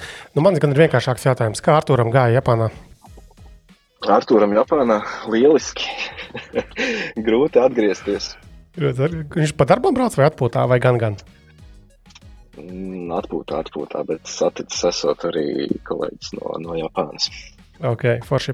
Un noslēgumā tad, uh, es redzu, ka jūs arī meklējat darbiniekus, pie tam gan tehniskajās, uh, tehniskajās uh, profesijās, gan arī ir, ir, ir treneris. Labi, vairāk vai mazāk tehniski. Vispār Zabiks kā tāds ir ļoti tehnisks uzņēmums, pareizi?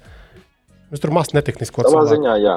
Nu, ir, protams, mārketings, ir sales, ir, ir grāmatvedība, ir uh, partner relationship, uh, ir arī nu, menedžeri un, un, un projektu vadītāji, bet uh, nu, lielākais vairums, laikam, ir tomēr tehniskie cilvēki, izstrādātāji, tie paši tehniskā atbalsta speciālisti. Kādam mindsetam ir jābūt cilvēkam, kurus tu gribētu redzēt kā savus kolēģus? Kādus jūs sagaidat cilvēkus pie sevis?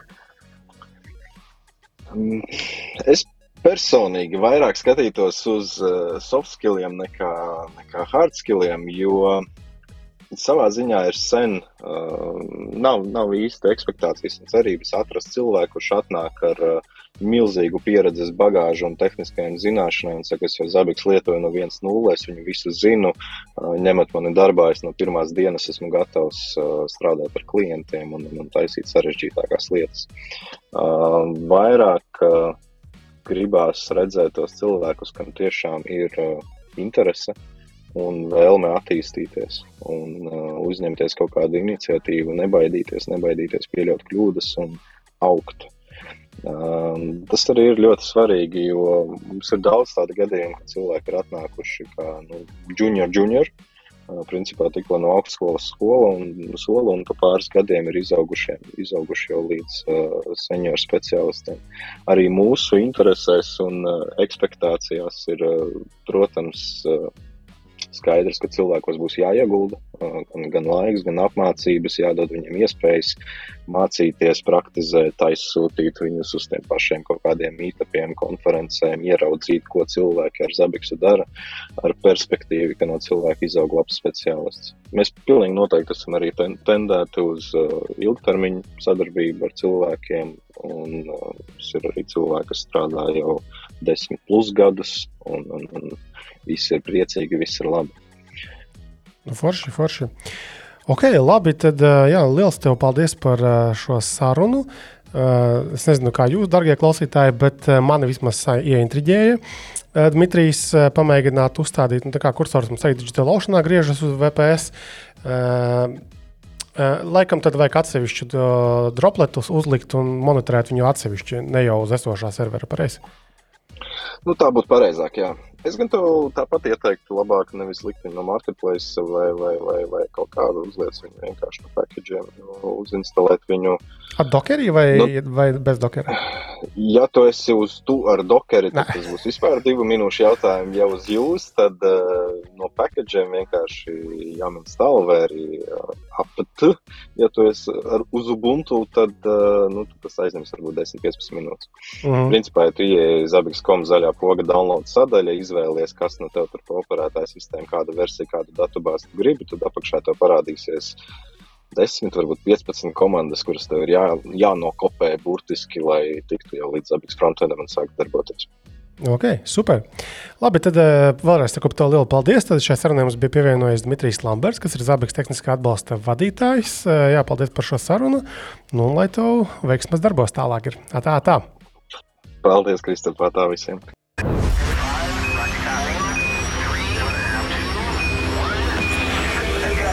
Ko kursors tev neraksta? Regulārs tehnoloģiju podkāsts kopā ar Cursors LV.